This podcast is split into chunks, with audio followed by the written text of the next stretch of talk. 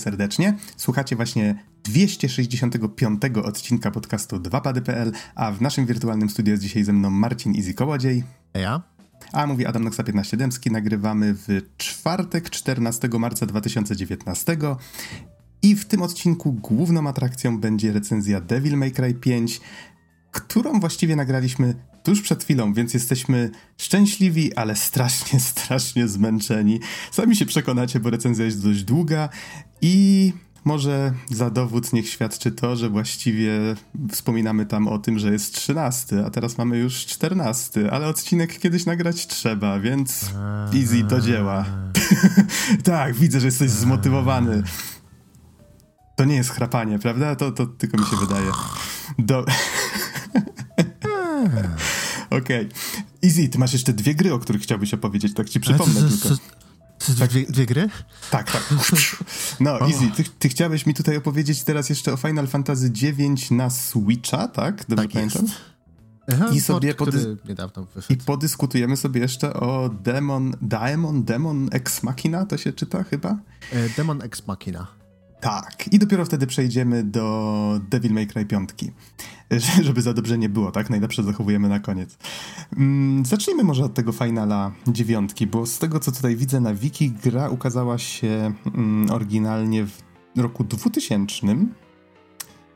I teraz powiedz mi, czy ten port na Switcha to jest zwykły port, czy to jest jakiś remaster? Co to właściwie jest? Nie, to jest to I znaczy, kiedy się znaczy- ukazał, może pamiętasz? Czy też mam sprawdzić? się ukazał chyba w zeszłym miesiącu.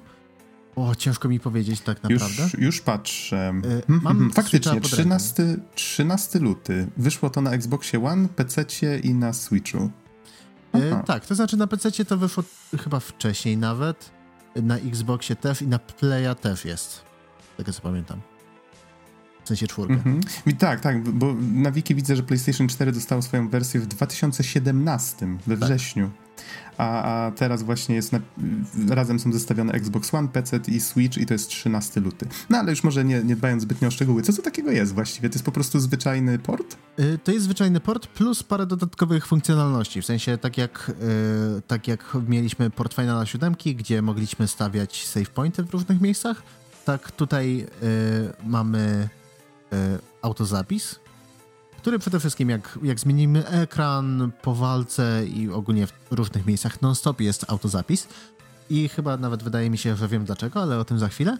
E, plus do tego mamy cztery dodatkowe funkcje, w sensie przy, przyspieszenia animacji yy, wszystkich, yy, max damage, czyli zadajemy po prostu, nieważne co byśmy zrobili, to cztery dziewiątki zadajemy. Oprócz tego to się nazywa safe travel, czyli po prostu brak random encounterów oraz e, battle assist chyba, czyli po prostu trans nam się wbija na 100% i nigdy nie spada. I to chyba tyle. Nie wiem, czy mm -hmm. Battle Assist też hapsów i many nie uzupełnia, ale tutaj nie jestem pewien. Więc tak naprawdę, jeżeli ktoś nigdy nie grał albo Y, inaczej, jeżeli ktoś nigdy nie grał, no to, to mogą być funkcje, które niekoniecznie mogą, y, możecie chcieć wykorzystać, bo to jednak ujmuje mechanice, y, ale z kolei jeżeli ktoś grał i chce sobie przypomnieć fabułę, tak jak właśnie ja to robię, to, to jest świetna rzecz, nie? Typu właśnie walki, żeby włączyć po prostu autoatak, włączyć cztery dziewiątki i wtedy możemy przebiegać i nie martwić się, że ktoś nas że, że dostaniemy wipe'a w pierwszej turze, albo możemy zupełnie ominąć wszystkie walki, więc no, no i jest to, jest to jednak klasyk z pierwszego PlayStation, prawda? Tak. I no, e, jeszcze, jeszcze taka... się miejscami. Aha, no ja właśnie bardzo dawno miałem z tą grą do czynienia. Sam jej nigdy nie przechodziłem, ale mój brat ją prawie skończył i, i patrzyłem mu często przez ramię, więc y, tak, tak wspominam tę grę mniej więcej. Za to taka ciekawostka, jest to ostatnia część Final Fantasy, która okazała się właśnie na pierwszym PlayStation, potem mm, dziesiątka już przeszła na PlayStation 2. Tak jest. I tutaj tak naprawdę Final 9 wyciskało ostatnie soki po prostu z Play 1. I powiem ci, że ja samemu y, calakowałem Finala 9 ładnych paręnaście lat temu, więc teraz y, pamiętam mniej więcej, co się działo w fabule, ale teraz y, fajnie się po prostu to wszystko przypomina, tym bardziej, że no, to wyciskanie ostatnich soków objawia się przede wszystkim tym, że jest po pierwsze loading time, dosyć długi, i do tego wszystkie animacje są takie ślamazarne, w sensie są fajne, ładne, dużo efektów, ale po prostu wszystko jest tak wolne i tak bardzo nie mam czasu, żeby patrzeć na te wszystkie animacje. Dlatego, panie Square Enix, dziękuję panu za przyspieszenie rozgrywki.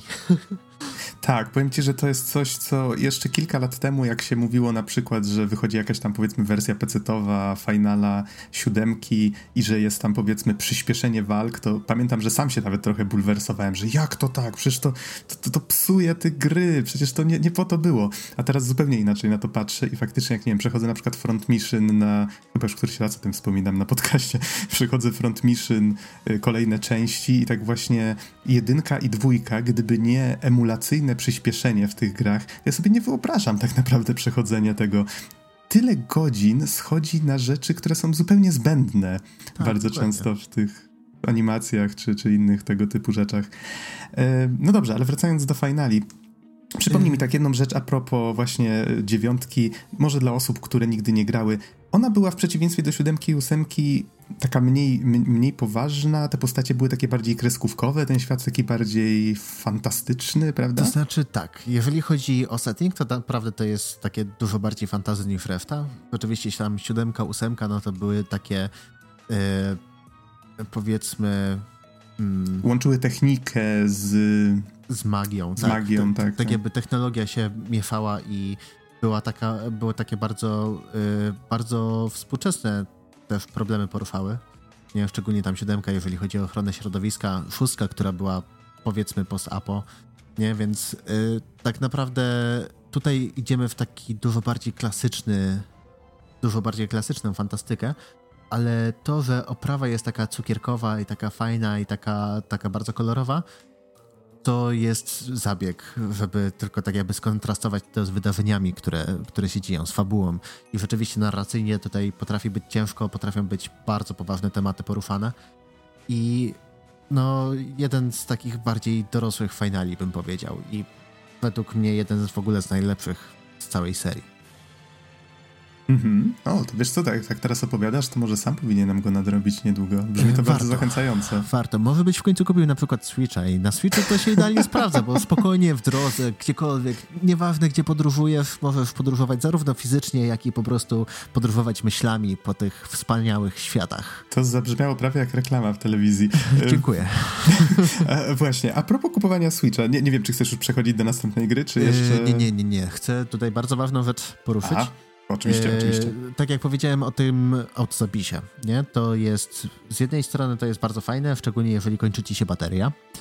E, I tak jakby sama ta animacja związana z zapisywaniem też jest, jest długa, jest powolna.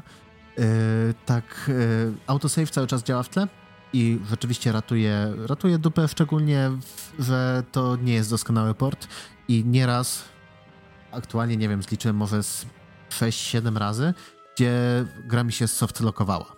W sensie o. była jakaś scenka, co nie, i nie wiem, czy to jest kwestia majtania przyspieszeniem, że cały czas przyspieszam, zwalniam, przyspieszam, zwalniam, w zależności od potrzeby, czy przełączeniem innych tych flag, ale po prostu jest scenka i na przykład znika, yy, znika dymek dialogu i tyle. I gra po prostu wisi, jakaś tam animacja czasami nawet się odgrywa cały czas w tle, no ale nic więcej nie można z tym zrobić. W tym momencie przejście do home menu, zrestartowanie całej gry, klikam continue i rzeczywiście jestem na początku tej scenki. Nie zdarza się to w walkach, więc na szczęście tam yy, nie trzeba było powtarzać całych walk czy jakichś większych sekwencji. Jednak no, potrafi to być frustrujące i zdarzyło mi się po prostu wyłączyć konsolę zaraz potem i pójść spać. Mhm. No tak, to faktycznie brzmi trochę niepokojąco. Znaczy, zastanawiam się, ta gra prawdopodobnie jest oparta na jakiejś emulacji. To nie jest po prostu przeniesione, prawda, na jakiś inny silnik czy coś. Z tego co słyszałem, to jest ten sam port, który jest na Steamie praktycznie. I ten Steamowy też miał problemy. Mhm. No, no okej, okay, to nie wyjaśnia jakby. To nie odpowiada w pełni na moje tak. pytania, ale domyślam się, że jest tam jakiś emulator pewnie. Tak, to jest pewnie częściowa, częściowa emulacja i y, wygląda na to, że po prostu gdzieś tutaj jakieś mniejsze, mniejsze problemy. Y, wyszło mm. po prostu podczas, podczas tego portowania. No, to, trochę, to, to jest trochę, słabo, trochę słabo pod tym względem, że powiem ci, że na przykład jak sobie przychodzę właśnie teraz do Front Mission 2, to odkryłem, że na Androidzie można naprawdę nieźle emulować yy, pierwsze PlayStation. To znaczy Oczywiście, że trzeba by sobie podpiąć pada, żeby to było tak w pełni przyjemne, ale nauczyłem się jakby grać na tych e, dotykowych, sztucznych przyciskach rysowanych na ekranie i no, co prawda przyznaję, Front Mission to gra, która wybacza błędy, bo jest po prostu turową, e, turowym RPG-iem, więc można sobie e, te, te, tymi jednostkami ruszać, czy tam ten ekran przekręcać jak się chce w swoim tempie. Jak się pomylę, to mogę po prostu e, coś tam lekko skorygować ale myślę, że w finalu nie byłoby chyba aż tak ciężko. Oczywiście tutaj nie zachęcam do tego, żeby powiedzmy, broń Boże, piracić czy coś. No ale możecie kupić grę na Switcha, a potem grać na Androidzie. No taka opcja też, też istnieje, prawda? Eee... Jakby ci to powiedzieć? No nie, no zupełnie nie. Okej. Okay. Tak, teoretycznie, teoretycznie, to była losowa myśl. E, teoretycznie, jeżeli chcemy emulować i korzystać z kopii zapasowych, to tak naprawdę my musimy sami zrobić ripa. Nie, w sensie sami ściągnąć z nośnika te informacje. No, no i to tak, tak, to tak, jest takie w trochę szarej strefie. Ja, ja rozumiem. To wszystko, o czym teraz mówię, jest takie w szarej strefie. Po prostu, jak mówisz, że producent dostarczył wadliwy produkt, no to rozumiem, że no, zapłacić za niego jak najbardziej trzeba, ale no, wolałbym grać w, jednak w taką wersję, która jest, no cóż, po prostu z... stabilna. Sprawna, sprawna. Tak, no. mhm. Okej, okay. powiedz mi, czy coś jeszcze na temat Finala 9 chciałbyś dodać, czy lecimy dalej? E, warto kupić, warto grać, warto... Warto po prostu, no. Nawet pomimo niedoróbek. E, tak. Nie, tak jak mówię, to po prostu zdarzyło mi się parę razy. Teraz mam już wbite chyba 17 godzin plus minus, więc i to tak to, to nie jest częste wystąpienie. No, tylko tak jak mówię, no, głównie, głównie gram tak naprawdę w łóżku zaraz przed snem i parę razy się na tyle sfrustrowałem tym, tym tak jakby y, tym softlockiem, że odłożyłem konsolę i tyle. Mhm, rozumiem. No okej. Okay. To, wracając do tematu kupowania Switcha, była pewna gra, dla której bardzo chciałem go kupić. Znaczy, pomijając Metroida, na którego nadal czekam, a już zresetowali nawet jego tworzenie, więc może na Switcha dwójkę przyjdzie pora. Um, mianowicie tą grą było Demon Ex Machina, które z tego co pamiętam zapowiedzieli na E3, chyba w zeszłym roku. Yy, I... To znaczy, tak, na tym Nintendo Direct. Mm-hmm. No, to tak, wydaje mi się, że to było właśnie wtedy. I jak zobaczyłem ten zwiastun, to są mechy, jest taka animus stylistyka, jest taka przekoksana, zwariowana akcja, jakieś tam zrujnowane budynki, wielcy przeciwnicy, szalone ataki. I myślę sobie, bajoneta z mechami. O! I jestem kupiony ale pograłem trochę w demko, które się ukazało. Mm, gra jeszcze nie wiadomo chyba kiedy ma wyjść, tak? To ma być w tym roku. Yy, tak, ten rok, ale nie wiadomo, nie wiadomo kiedy. Tak, pograłem na nie swojej konsoli w demko i nawet go nie skończyłem, bo parę rzeczy mnie tam drażniło. Ale może ty, ty, grałeś w nie na pewno dłużej, więc może ty zacznij. Powiedz trochę o co właściwie chodzi, jak to wygląda, jak się w to gra, a ja dorzucę swoje trzy grosze. Yy, to znaczy, tak. Yy, powiem może wyjdę, wyjdę z trochę innej strony. Yy, trochę złe założenia poczyniłeś. W no sensie, właśnie tak, to prawda. Tak, to, to nie jest bajoneta z mechami, to jest kolejna inkarnacja front, yy, nie Front Mission, Armored Core'a. Mhm. To jest ten sam reżyser i rzeczywiście widać bardzo mocno, że to jest yy, Armored Core, tylko tak jakby animowatość przekręcona na 11 powiedzmy. tak, postacie są tak jakby wycięte żywcem z anime i rozmowy w sumie też, ale nie zwracałem chyba zbyt dużej uwagi na dialogi. Powiedz mi, czy ta fabuła ma jakiś sens? Yy, to znaczy, wiesz co, tutaj tak naprawdę to demo y, to są tylko cztery misje, nie? Więc yy, nie, ma, nie ma tej fabuły bardzo dużo, ale rzeczywiście tam pojawia się parę postaci. Tak naprawdę chodzi o to, że jest yy, ludzie walczą z maszynami, tak w skrócie, i jest cały, cały świat jest praktycznie post-apo już i do tego ludzie się podzieli na różne frakcje. Tak, e, to są najemnicy. Tak naprawdę to są grupy najemni e, najemników, które są e, rekrutowane po prostu przez taką organizację, która chroni ludzkość. I my w ramach tej organizacji, w ramach tego, co nam, co nam zlecą, my po prostu idziemy wypełniać misję, rozwalać więcej maszyn, pozyskiwać jakieś dodatkowe części, no i ewentualnie od czasu do czasu zmierzyć się z kolosami czy tytanami, nie pamiętam jak one się nazywały wewnątrz gry, ale to są po prostu gigantyczne mechy. Właśnie to jest pierwsza rzecz, która mnie, znaczy pierwsza, no jedna z rzeczy, która mnie trochę zawiodła, to znaczy na zwiastunie widać te jakieś takie efektowne akcje, że tam powiedzmy jakiś krzyżowy atak i ten tytan się przewraca, a tutaj mamy po prostu wielkiego mecha, który się, znaczy wielkiego, większego niż te, którymi kierujemy, mecha, który gdzieś tam się pojawia między budynkami, on tam gdzieś się niemrawo rusza, gdzieś tam czymś postrzela i my jakby pakujemy w niego jak w gąbkę tymi pociskami nic od niego nie odpada, przynajmniej nie zauważyłem, żeby choćby mu ręka odpadła czy coś. Eee, no i w pewnym momencie po prostu ten pasek energii się kończy po bardzo długim czasie i włącza się animacja i to, co było zajebiste w zwiastunie, to po prostu cutscenka i tyle. To znaczy tutaj wydaje mi się, że walka wcale nie była w taka zła. Jeżeli nie celowałeś w słabe punkty, to rzeczywiście mogła się dłużyć i wtedy przeciwnik stawał się po prostu gigantyczną gąbką chodzącą na czterech łapach. na czterech? Chyba chodził na dwóch nogach. Nie, na czterech. To był taki ten, taki quadriped. Quadripod. Tak. Nie jestem pewien, czy mówimy o tym samym bosie, ale dobrze, mów dalej. Y, ten wielki, co strzela laserami i szarżuje na ciebie i ma takie pole energetyczne, które odbija? Nawet nie jestem pewien, czy on szarżował. Wiesz co, ja nie przeszedłem całego tego demka. To była A. druga misja. A, no to, to tak. To w takim razie trochę cię ominęło.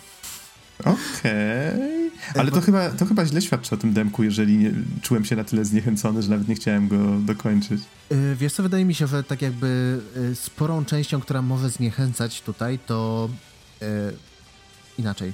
Wizualnie jest naprawdę fajnie, w sensie mi się podoba ten taki połączenie takich w miarę, powiedzmy, w miarę szczegółowych wybuchów z modelami. Modele mechów są świetne, ale to Armored Core, widać po prostu, że to jest Armored Core. Y, z tym takim cel shade'em. Może rzeczywiście przez to y, takie otoczenie nie jest aż takie, aż takie zachęcające i takie bogate w szczegóły, ale dalej to ma swój klimat, nie? Tym bardziej, że animacje mechów są bardzo takie wiarygodne, tym bardziej zastosowanie wstecznej kinematyki, gdzie po prostu suniemy, suniemy tym mechem i jak, jak jedziemy po wydmach, no to rzeczywiście inaczej się ustawiają nogi i to wygląda fajnie, nie? Mamy ca cały czas taki wizualny feedback, że jesteśmy częścią tego świata i ten mech waży jednak swoje. Każda akcja po prostu to jest przerzucanie no ton stali po prostu yy, i, i całe strzelanie do przeciwników jest, jest dosyć satysfakcjonujące. Jednak yy, od strony technicznej są dalekie dystanse, to bardzo fajnie wygląda i tak dalej, i tak dalej, ale gra ma przepotężne problemy z frame pacingiem. Tym bardziej jak gramy na telewizorze. Nie? W sensie, e, żeby mniej technicznym słuchaczom tutaj powiedzieć o co chodzi. E, frame pacing to jest tak jakby długość czasu, e, przez który klatka jest wyświetlana na, na ekranie. I przez to tak jakby, jeżeli ten frame pacing jest zakłócony, to te klatki tak jakby się przesuwają, prawda? Niektóre są dłużej, niektóre są krócej i gra się wydaje taka strasznie, strasznie niestabilna. W sensie my cały czas trakcie samego gameplayu, który rzeczywiście y, jest nastawiony na bardzo szybką akcję, no ciężko się celuje, ciężko się ogarnia, co się dzieje na ekranie, jeżeli, jeżeli jest cały czas jakby konsola się jąkała. Zupełnie jak ja podczas mówienia, czym jest frame pacing. to piękna demonstracja, panie profesorze. dziękuję, dziękuję. Tak, a jeżeli. Tak, tak, faktycznie w pewnym momencie gra zaczęła się dość mocno ciąć i, i to było odczuwalne. E, no tak, no to kolejny powód. E, tylko właśnie, może gdybym wiedział, żeby się spodziewać takiego typowego Armored Core'a, co prawda Nigdy żadnego nie przeszedłem, ale wiem pirazy drzwi o co chodzi, tak? Że faktycznie kierujemy tą kupą stali, że to wszystko jest takie ociężałe, że możemy sobie strzelać osobno bumperami i triggerami, różnymi brońmi zamontowanymi w różnych częściach mecha. Wszystko oczywiście w czasie rzeczywistym. Możemy sobie trochę pofruwać, tak? Czyli po, w zasadzie półnosić się trochę gdzieś tam nad budynkami. Też jest to odpowiednio takie, sprawia wrażenie takiego trochę ociężałego. Um, no może gdybym wiedział, że to jest coś takiego, to może teraz jakbym do tego usiadł, to trochę już bym wiedział tak mniej więcej czego się spodziewać i trochę inaczej bym do tego podszedł. Ale tak, graficznie wygląda całkiem fajnie i jeszcze fajna rzecz to to, że można sobie stworzyć własną postać i się tak zastanawiam, w jakim kierunku ta gra będzie zmierzać. Pamiętam, że jak żeśmy rozmawiali jakiś czas temu, to wspominałeś, że według ciebie to będzie coś w rodzaju takiego Monster Hunter World? Yy, tak, no dokładnie, w sensie, że mamy misję, dobiera, yy, szczególnie to widać w czwartej misji, yy, w sensie tej podczas walki z Kolosem, gdzie mamy do dyspozycji trzech sojuszników prowadzonych przez sztuczną inteligencję i po prostu walczymy wspólnie jako, jako team, jako drużyna y, z tym wielkim przeciwnikiem. Więc wydaje mi się, że to, to będzie takie na zasadzie dobierania sobie, wybieramy sobie misję, gadujemy się z ludźmi i albo wbijamy solo i mamy AI zaprzyjaźnione, albo po prostu y, albo ze znajomymi ciśniemy kolejne misje, zdobywamy gotówkę, którą wydajemy zarówno na kupowanie nowych części, a ich, znając Armored Core i nawet widząc to, co jest w demie, będzie bardzo dużo możliwości kustomizacji niestety odpada moje ulubione, y, mój ulubiony wskaźnik y, z punktem, ze środkiem ciężkości mecha, co wpływało na celowanie. Tutaj tak jakby gra się bardziej skupia na auto-aimie. Hmm, co ciekawy pomysł w sumie. Y, tak jakby w sensie ten ze środkiem ciężkości? tak, tak, tak. to jest świetne. Na przykład miałeś zbyt ciężką broń w prawej łapie, więc kupowało się specjalne, te specjalne obciążniki na lewą łapę, żeby mieć środek ciężkości po środku, ale przez to się poświęcało wydajność, tak jakby wydajność energetyczną mecha, więc można było mniej ekwipunku sumarycznie wziąć. I to hmm. było mega dużo fajnego machania w Armored Core. Tutaj co prawda nie ma tego aż tak szczegółowo, mhm. ale dalej mamy pewną moc, tak jakby, którą nam dostarcza y, tak jakby y, rdzeń, generator, czy jakkolwiek to nazwiemy, silnik.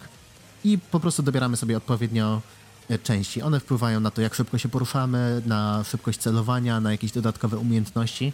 Wydaje mi się, że Demon Ex Machina trochę słabo tłumaczy mechaniki. Bo z jednej strony niby mamy takie szybkie celowanie i tak dalej, ale z drugiej, z drugiej tak naprawdę mamy y, część, częścią loadoutu ekwipunku jest procesor, który wpływa na to, jak szybko robimy loka. W sensie wystarczy po prostu najechać w okolice przeciwnika i potem y, jak się taki, taka mała kostka, taki mały kwadracik po prostu zmniejszy odpowiednio i zmieni kolor na przeciwniku, to wtedy możemy po prostu strzelać i nie musimy dokładnie celować. Tylko całe UI jest takie bardzo, z jednej strony postawione na taki futuryzm i powiedzmy minimalizm, y, minimalizm formy, ale z drugiej strony jest strasznie, strasznie go dużo i po prostu przysłania akcję na ekranie połączone to ze słabym frame pacingiem po prostu sprawia, że gra się staje chaotyczna i nie jesteśmy w stanie, w stanie celować wydajnie. Mhm. A powiedz mi, dużo masz doświadczeń z mm, Armored Core? Z tą serią? Wiesz co, ja sporo grałem dawno temu w Armored Core. Okej. Okay. Słyszałem taką plotkę, że twórcy Armored Core która jest serią Front Mission. Y, front, co, co Front Mission mi cały czas w no, głowie. Mechy, no. From Software. Tak. Czyli tych ludzi, którzy stworzyli, te, tworzą teraz y, na potęgę Souls-like i Dark Souls, Bloodborne, teraz Sekiro lada moment wychodzi. Wow. Nawet zaczynam się tą grą interesować, chociaż cały czas sobie wmawiam, że już mam dość tej serii, ale, ale chyba to gdzieś tam się tli cały czas, jak ten płomień, który trzeba zanieść do ogniska. e, tak, że słyszałem taką plotkę, że ludzie właśnie, którzy się zajmowali we, w From Software, którzy się zajmowali tą serią, e, że po prostu chcieli stworzyć jakiś, jakąś nową grę w tym stylu i zaniep znaczy zaniepokojeni tym, że w ogóle coś takiego nie, nie będzie już więcej powstawało w tej firmie, po prostu e, zaczęli tworzyć coś własnego. Czy to, to nie e, wiem, Tak, prawda, właśnie, czy? właśnie reżyser Armored Core przeszedł do Marvelu, żeby tam stworzyć swoją grę. Mhm. Czyli przy, przynajmniej on, okej. Okay. Tak. E, jeszcze odnośnie tych, tych postaci, nie?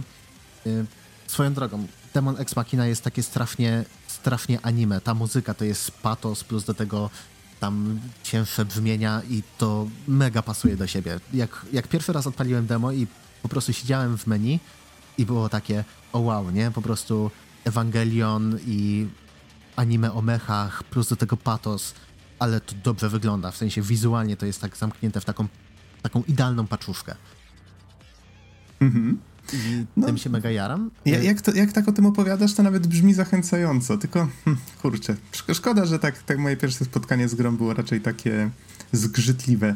Tak. Ale mam nadzieję, że dopracują faktycznie ten, ten tak, produkt tak, końcowy. Wydaje mi się, że jeżeli rozwiążą wszelkie problemy techniczne, to to może być naprawdę bardzo fajne w odbiorze. Nie, bo i wiesz, i masz ten cały visual feedback, jeżeli chodzi o twojego mecha i wszystkie wybuchy.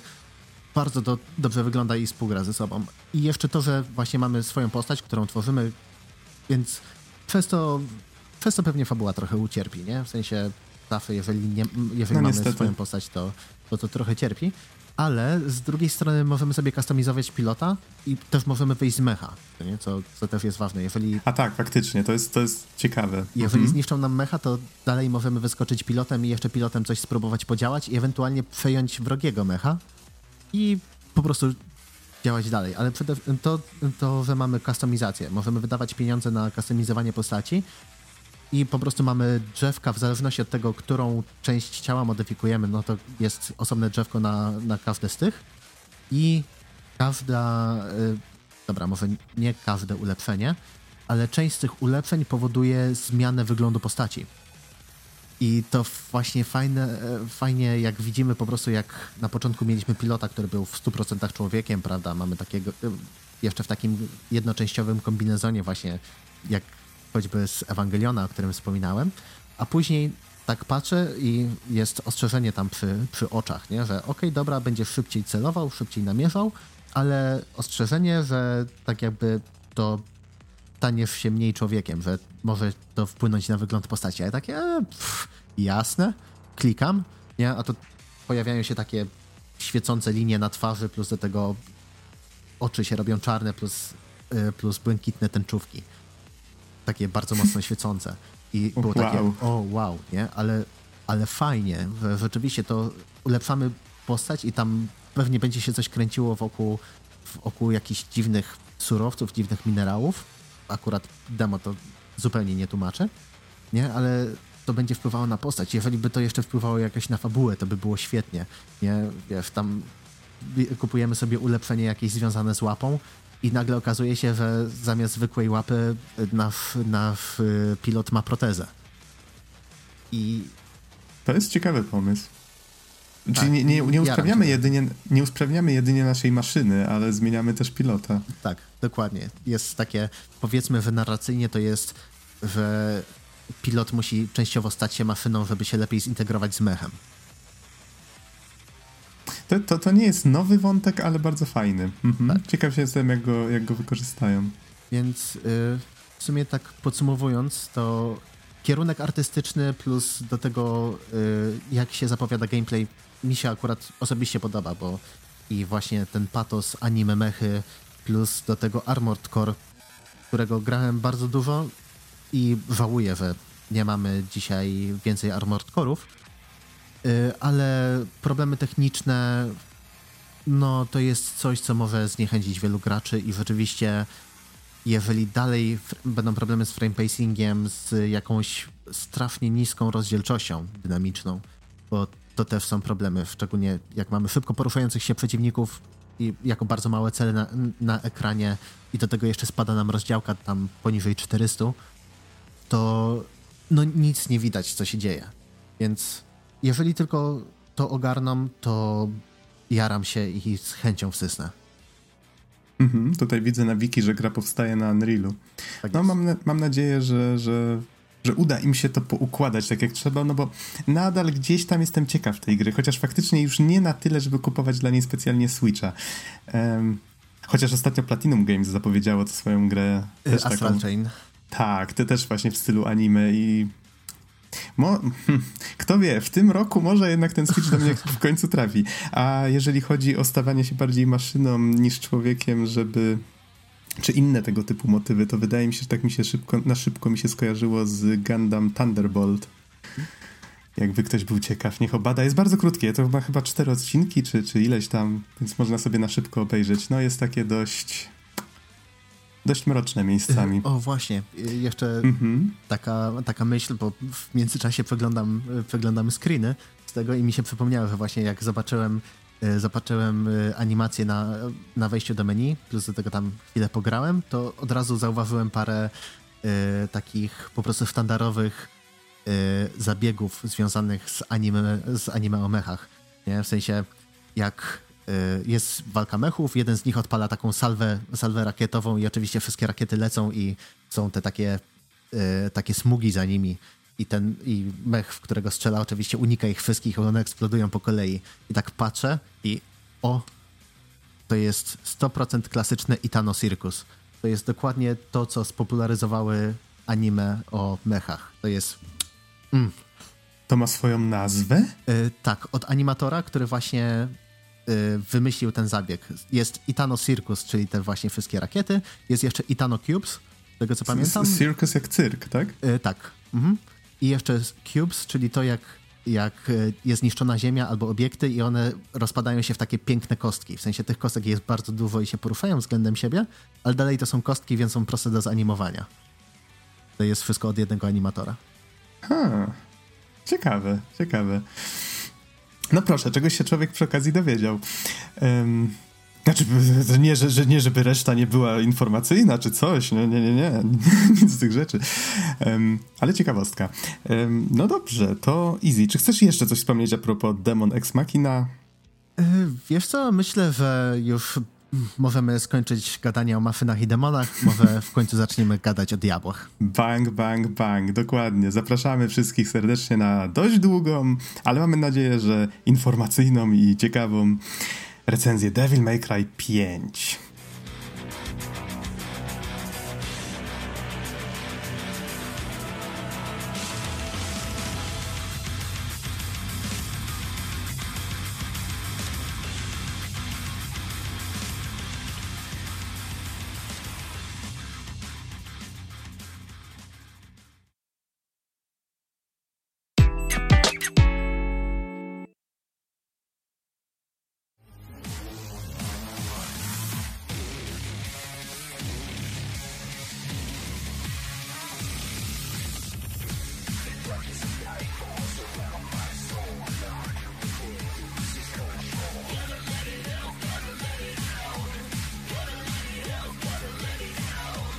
W wirtualnym studio są dzisiaj ze mną Marcin Izy-Kołodziej.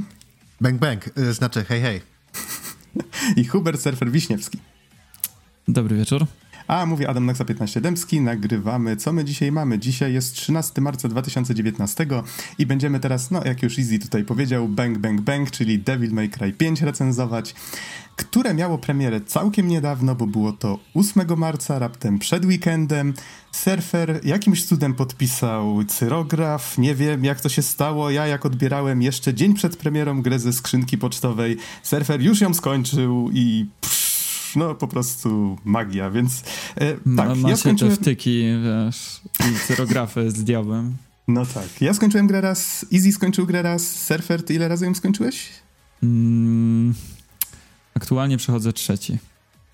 Ale okay. niektóre misje przechodziłem częściej, bo grałem jeszcze ze znajomym, mhm. więc, e, więc tak naprawdę trochę więcej niż te 2,5 razy. No ale jestem no, prawie w połowie e, trzeciego playthrough. No ale zdecydowanie, kto wie, gdyby nie ty, to może ta recenzja nie powstałaby tak szybko, a tak to nas trochę zmotywowałeś do działania. I tak, żeby może nie zapomnieć, to na wstępie parę informacji encyklopedycznych, czyli w grę możecie zagrać na PC, PS4, Xboxie One i e, właściwie z takich rzeczy, może taki, taka ciekawostka bardziej, e, Przypomnę, że nagrywaliśmy odcinek o, w zeszłym roku na temat całej serii, gdzie staraliśmy się też bezspoilerowo, a potem jakby w kolejnej części tego odcinka y, podsumować trochę fabułę całej serii, więc jeżeli chcielibyście ją sobie trochę odświeżyć, to odsyłamy do naszego archiwum. Natomiast przypomnę z tych informacji tylko tyle, że właściwie bardzo długo w tej serii nic się nie działo, bo Devil May Cry 4 ukazało się w 2008, więc ponad 10 lat temu. Natomiast yy, no jeszcze było w 2013 DMC Devil May Cry, no tutaj, żeby nie było, że je pomijam. Yy, mieliśmy bardzo długą dyskusję na ten temat właśnie w tym odcinku poświęconym serii, więc powiedzmy po prostu, że wielu fanów było raczej niezadowolonych z tego, yy, jak Ninja Fury, które akurat zostało e, oddelegowane do tego, żeby zająć się tą częścią. To była taka zachodnia wizja Devil May Cry'a. Wielu fanów nie było zadowolonych ze zmian, które wprowadzono i ten reboot ostatecznie został odsunięty na bok. Devil May Cry piątka w tej chwili wraca do historii, którą znaliśmy do tej pory. właściwie mamy tych samych bohaterów, kontynuację bezpośrednią czwórki, uporządkowano trochę timeline i myślę, że teraz troszeczkę o tym też będziemy mówić. To może Surfer powiedz, o co właściwie chodzi w piątce fabularnie? Może jeszcze nim przejdziemy do mechaniki, e, czy, czy właśnie m, mm, trochę w jaki sposób zmieniono timeline? bo też jakieś takie zmiany oficjalne się tak, pojawiły. Tak, właśnie, e, właśnie zmiana e, była następująca. Początkowo Devil May Cry 5 miało dziać się po zakończeniu dwójki, mm, przy czym podjęto decyzję ostatecznie, że dzieje się po czwórce. Więc to jest taka główna zmiana. Właściwie dwójka jest praktycznie nieistniejąca w oczach Capcomu i w fabule gry. Czytałem, że gdzieś są jakieś drobne odniesienia. Szczerze mówiąc, ja chyba nie zauważyłem.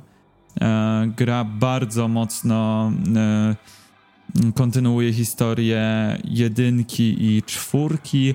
Przy okazji daje bardzo dużo fanserwisu i odniesień do trójki. Do dwójki więc... faktycznie nie, też nie zauważyłem żadnych, ale ten filmik, który można sobie odtworzyć w menu głównym, który podsumowuje serię w kilka minut, to rzuciło mi się w oczy, że dwójkę przesunięto w czasie przed czwórką, czyli zmieniło się to Właśnie jeszcze... Tak, no się właśnie o tym mówiłem przed sekundą. Aha, no dobrze, no, no okej, okay, bo jeszcze mówiliśmy o tym w tym poprzednim odcinku właśnie, że dwójka zawsze była ostatnia, tak? I że właśnie tak, dlatego tak. byliśmy tacy e, zaciekawieni, co oni też przyszykują teraz, że postanowili e, tą część umiejscowić na, na końcu. No to się okazało, że faktycznie tak zamietli pod dywan. Biorąc, ma to więcej sensu, biorąc pod uwagę, że e, w tej części jest Nero, który pojawił się po raz pierwszy w czwórce, więc trochę by tak mm, mogli mieć problem z tym, żeby skleić jakoś tę historię, skoro w czwórce był Nero, w dwójce go nie było e, i nagle z piątce to zna, tak, co, co się działo w takim razie. A tutaj tak e, ładnie wszystko posklejali. Dzięki temu, że czwórka działa się przed, no to, e, to wszystko ma jakiś taki logiczny sens. No i właśnie jeżeli chodzi o, o to, co się dzieje w samej grze. W prologu kierujemy jedną z trzech grywalnych postaci, czyli właśnie Nero. I widzimy walkę, w której e, biorą udział w większości znane postacie z poprzednich części, czyli Dante, e, Trish i Lady, czyli jego takie e, mm, pomocnice w biznesie i nowa postać, przepraszam, jak wy to wymawiacie, bo to nie jest Vi, to jest V, v tak? V, v. Tak, tak. Jako, z jakiegoś powodu mówię cały czas Vi. To jest, to jest po prostu razie... literka V. Tak, więc jest jeszcze V. E, i walczą z potężnym demonem, który no, jest najpotężniejszym do tej pory e, demonem, jaki się pojawił w uniwersum. E, praktycznie bez żadnego problemu, siedząc sobie na tronie, rozwala same najpotężniejsze postacie, więc właśnie widzimy przegraną całej ekipy, po czym Dante wykrzykuje właśnie do Vi, żeby zabrał Nero, bo to jest walka nie do wygrania i że na razie są po prostu za słabi. No i w tym momencie nie wiadomo, co się z Dante i z resztą ekipy dzieje. E, my przejmujemy ponownie kontrolę nad e, Nero miesiąc po właśnie wydarzeniach z prologu. E, I poznajemy tutaj kolejną nową postać, Niko. Jest to postać, która przygotowuje dla nas mechaniczne bronie. O tym troszeczkę więcej opowiemy. E, generalnie fabularnie e, no Nero stracił e, swoją dłoń, swoją demoniczną dłoń, którą się w poprzedniej części przyciągał do przeciwników, chwytał ich i tak dalej. W tej części nie ma tej ręki, a co za tym idzie ma protezy. I jest to całkiem fajne rozwinięcie mechaniki. O tym troszeczkę oczywiście więcej powiemy w mechanice. W każdym razie Niko przygotowuje dla nas różnego rodzaju ręce, które możemy kupić i zabrać ze sobą do walki.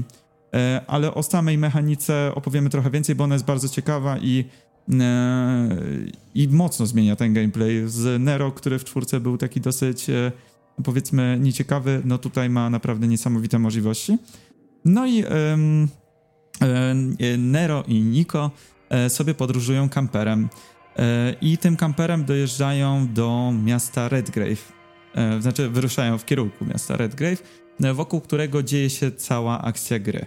No i y, tutaj może już dalej nie będę wchodził w szczegóły fabuły, bo wydaje mi się, że y, tyle słów o settingu to jest, to jest wystarczająco. W każdym razie, jeżeli ktoś grał w poprzedniej części, to wydaje mi się, że ogólnie z, z fabuły i z tego, jak ona jest poprowadzona i ile jest tam odniesień do poprzednich części, będzie zadowolony.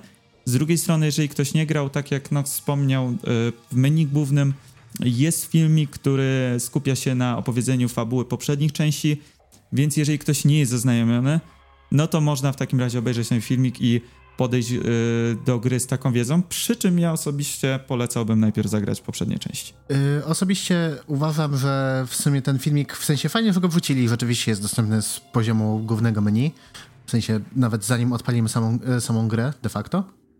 Tak, yy, no nie mówi zbyt dużo. Nie, są jakieś takie ogóły typu, no, był sobie Dante, był sobie Virgil, walczyli ze sobą, bla bla bla, to było w trójce, potem w jedynce działo się to i tamto, nie, i tak mega skrótowo, chociaż tak czy siak yy, kompleksowa znajomość fabuły nie jest tutaj potrzebna. Tak, przy czym jest bardzo dużo odniesień i to takich e, bardzo mocnych, e, takich wręcz fanserwisowych, jeżeli chodzi o e, pewne elementy, które zdecydowali się wrzucić do tej gry i wydaje mi się, że e, no warto, warto znać poprzednie części. W grze jest bardzo dużo takich smaczków, przede wszystkim z części trzeciej. Wydaje mi się, że to chyba e, tak ogólnie najbardziej uwielbiana do tej pory część gry, więc e, wiedział Capcom i dyrektor Hideaki Tsuno w który punkt tutaj e, pomasować, żeby e, fanom serii było dobrze, bo bang, bang, bang. jest właśnie bang, bang, bang, bo jest bardzo dużo odniesień, bardzo dużo takich, wiesz, wink, wink, o, wiecie o co chodzi, a, a kojarzycie to, a widzieliście tamto i to jest odniesienie do tego. Tak, I w ogóle jednej... fanserwis to jest, myślę, takie hasło przewodnie tej części. Wydaje mi się, że o ile ludzie, którzy nie znają tej serii, będą się przy tej grze bardzo dobrze bawić, to no jeżeli ktoś faktycznie grał w te poprzednie części, no to tutaj będzie miał taki faktycznie co misję, jakiś smaczek, jakieś oczko No taki roller coaster jest, przy czym tak. wiesz co, e, to co, e, bo żeby nie było, że ta gra fanserwisem stoi, e, ta gra ma swoją też konkretną historię, nowe postacie i ona nie boi się opowiadać tej historii. I tutaj pierwsze porównanie, które mi się rzuca, to jest do Kingdom Hearts 3, o którym jeszcze co nieco opowiemy. I to jest właśnie taka gra, która i swoje postacie z poprzednich gier i właśnie ten poziom fanserwisu e, prowadzi w zły sposób. E, przez co... Znaczy Kingdom Hearts, Ki tak? Kingdom Hearts 3, tak, jak najbardziej. Mm -hmm. Przez co Kingdom Hearts 3 nie ma za bardzo swojej historii jako takiej, ona po prostu zawiązuje wątki, które zostały gdzieś tam potwierane na przestrzeni lat. E, postacie, niektóre są wrzucone kompletnie na siłę i na przykład tutaj z jednej strony trochę się śmieję, a z drugiej strony bardzo ciekawy e, zabieg, że po prostu pewne postacie zignorowali. Stwierdzili, dobra, one nie są na tyle ciekawe, one nie wnosiły na tyle dużo do gry, są nadal gdzieś tam w uniwersum, ale nie bali się ich porzucić na rzecz tej gry e, i e, i właśnie przez to wprowadzając nowe postacie, które miały troszeczkę swojego e, miejsca, żeby odetchnąć. Nawet taki Morrison, e, czyli zlecenie od dawca, mm, Wiesz co, tak, przepraszam, ci, tak. Przepra mhm. Przepraszam, że ci przerwę, ale zgubiłem trochę moment, w mhm. którym przeszedłeś z Kingdoma do DMC. Bo mówiłeś, że nie, nie, bali się porzucić pewnych postaci, to mówiłeś jeszcze o Kingdomie, tak? Nie, tutaj już mówiłem o DMC. Aha, okej. Okay, no że właśnie Kingdom Hearts e, starał się e, zebrać wszystkie postacie i wszystkie wątki, przez co fabuła i, i wszystkie postacie tak naprawdę w Kingdom Hearts 3 bardzo ucierpiały miały po okay, prostu za okay. mało tego czasu antenowego.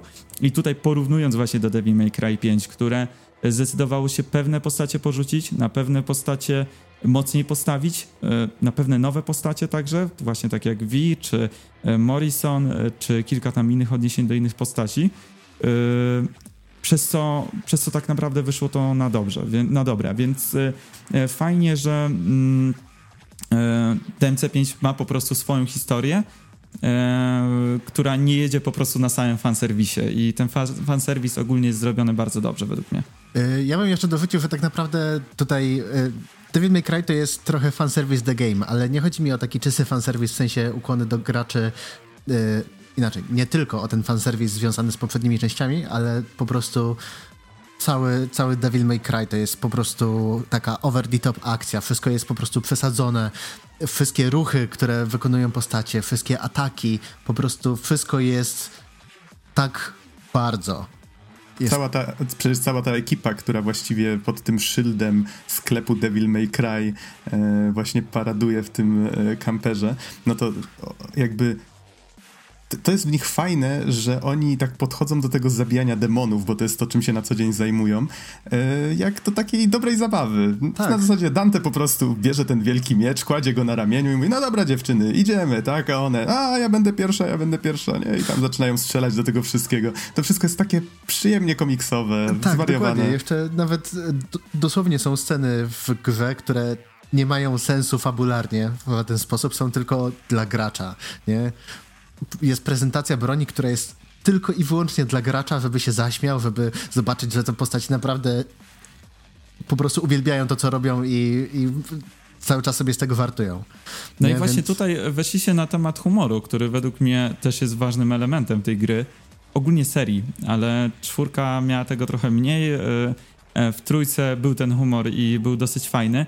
I tutaj humor też powraca i jest e, naprawdę fajny. To znaczy, nie pamiętam, kiedy przy grze tak naprawdę w wielu miejscach się zaśmiałem i e, te żarty były po prostu fajne, czy teksty, czy jakieś pyskówki. E, dlatego na przykład bardzo mi się podoba postać Niko, która jest w sumie prostą dziewczyną. Ona tam się zajmuje swoim fachem, nie jest, nie wiem, jakaś super elokwentna, ma czasami żarty na takim niskim poziomie, na przykład e, była taka scenka, gdzie prosi Nero, żeby coś podniósł i on tak się brzydzi i mówi, ty, ale wiesz, gdzie ta część tego potwora była? Ona w twojej dupie? Nie, no i takie te teksty na takim niskim poziomie, ale ona nagle tak, wiesz, strzela takim tekstem i e, generalnie wszystkie interakcje, wszystkich postaci z Niko są dla mnie tak rewelacyjne e, i ten humor, który prezentuje gra jest naprawdę fajny. Inna y sprawa, że tutaj bardzo mocno voice, voice acting też daje radę, więc to też e, te dialogi dzięki temu się trzymają. A to tak jak najbardziej, tutaj aktorzy dają radę, ale właśnie to, do czego chciałem porównać, to w sumie jest taki taki humor niskich lotów, który dalej zadowala, nie? W sensie tak jak e, Resident Evil miejscami jest po, pro, po prostu horrorem klasy B. Nie? Słuchamy tych tekstów, co niej sobie myślimy, powie, kto to wymyślił, nie? Ale dalej to jest takie fajne i sprawia radochę. To tutaj Devil May Cry to ma czasami takie, takie właśnie warciki niskich lotów, ale dalej one się idealnie wpasowują. To jest takie mega spójne i no po prostu cieszy. Tak, ma to mhm. sens. No tak jak mówię, cała ta postać Niko dla mnie ma ogromny sens właśnie przez to, jak ona się zachowuje, jaką ma manierę, nie wiem, głosu, e, mimikę i tak dalej, właśnie te swoje odzywki, że to jest w sumie taka prosta dziewczyna i, i, to, jest, i to jest fajne, bo ona jako postać jest bardzo spójna i mam wrażenie, że wszystkie postacie są tutaj bardzo spójne. Właśnie drugą postacią, o której warto według mnie co nieco powiedzieć jest Vi, który jest kompletnym który jest kompletnym e, przeciwieństwem szalonego Nero i Dante i fajnie, że e, nie dostaliśmy trzeciej, powiedzmy, kopii e, tej samej postaci, znaczy drugiej kopii tej samej postaci, tylko mm, kogoś zupełnie nowego, z taką fajną przeciwwagą i z takim troszeczkę innym spojrzeniem. I osobiście mi na przykład ta postać też bardzo podpasowała. Bo Vi jest taki ponury, można, można by powiedzieć, że to jest taki, nie, nie wiem, emo to jest w sumie złe określenie, bo on chyba nie pasuje do takiego typowego Edgelord. emo. Yy, tak, Edgelord. Edgelord. To jest taki Edgelord. walczący Edgar Allan Poe, no po prostu.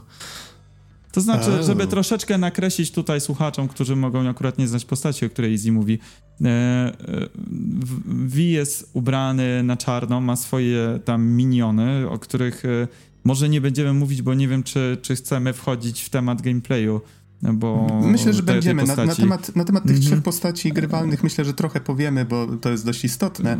Um, ale, właśnie tak, chciałem to... nakreślić co nieco, że on właśnie w każdej scence jest taki gdzieś tam zamyślony, trochę nieuchwytny, gdzieś tam sobie czyta swoją um, prozę i y, rzuca cytatami, niby y, nic nieznaczącymi, a z drugiej strony no jakimś takim wink-wink, o co tutaj może chodzić.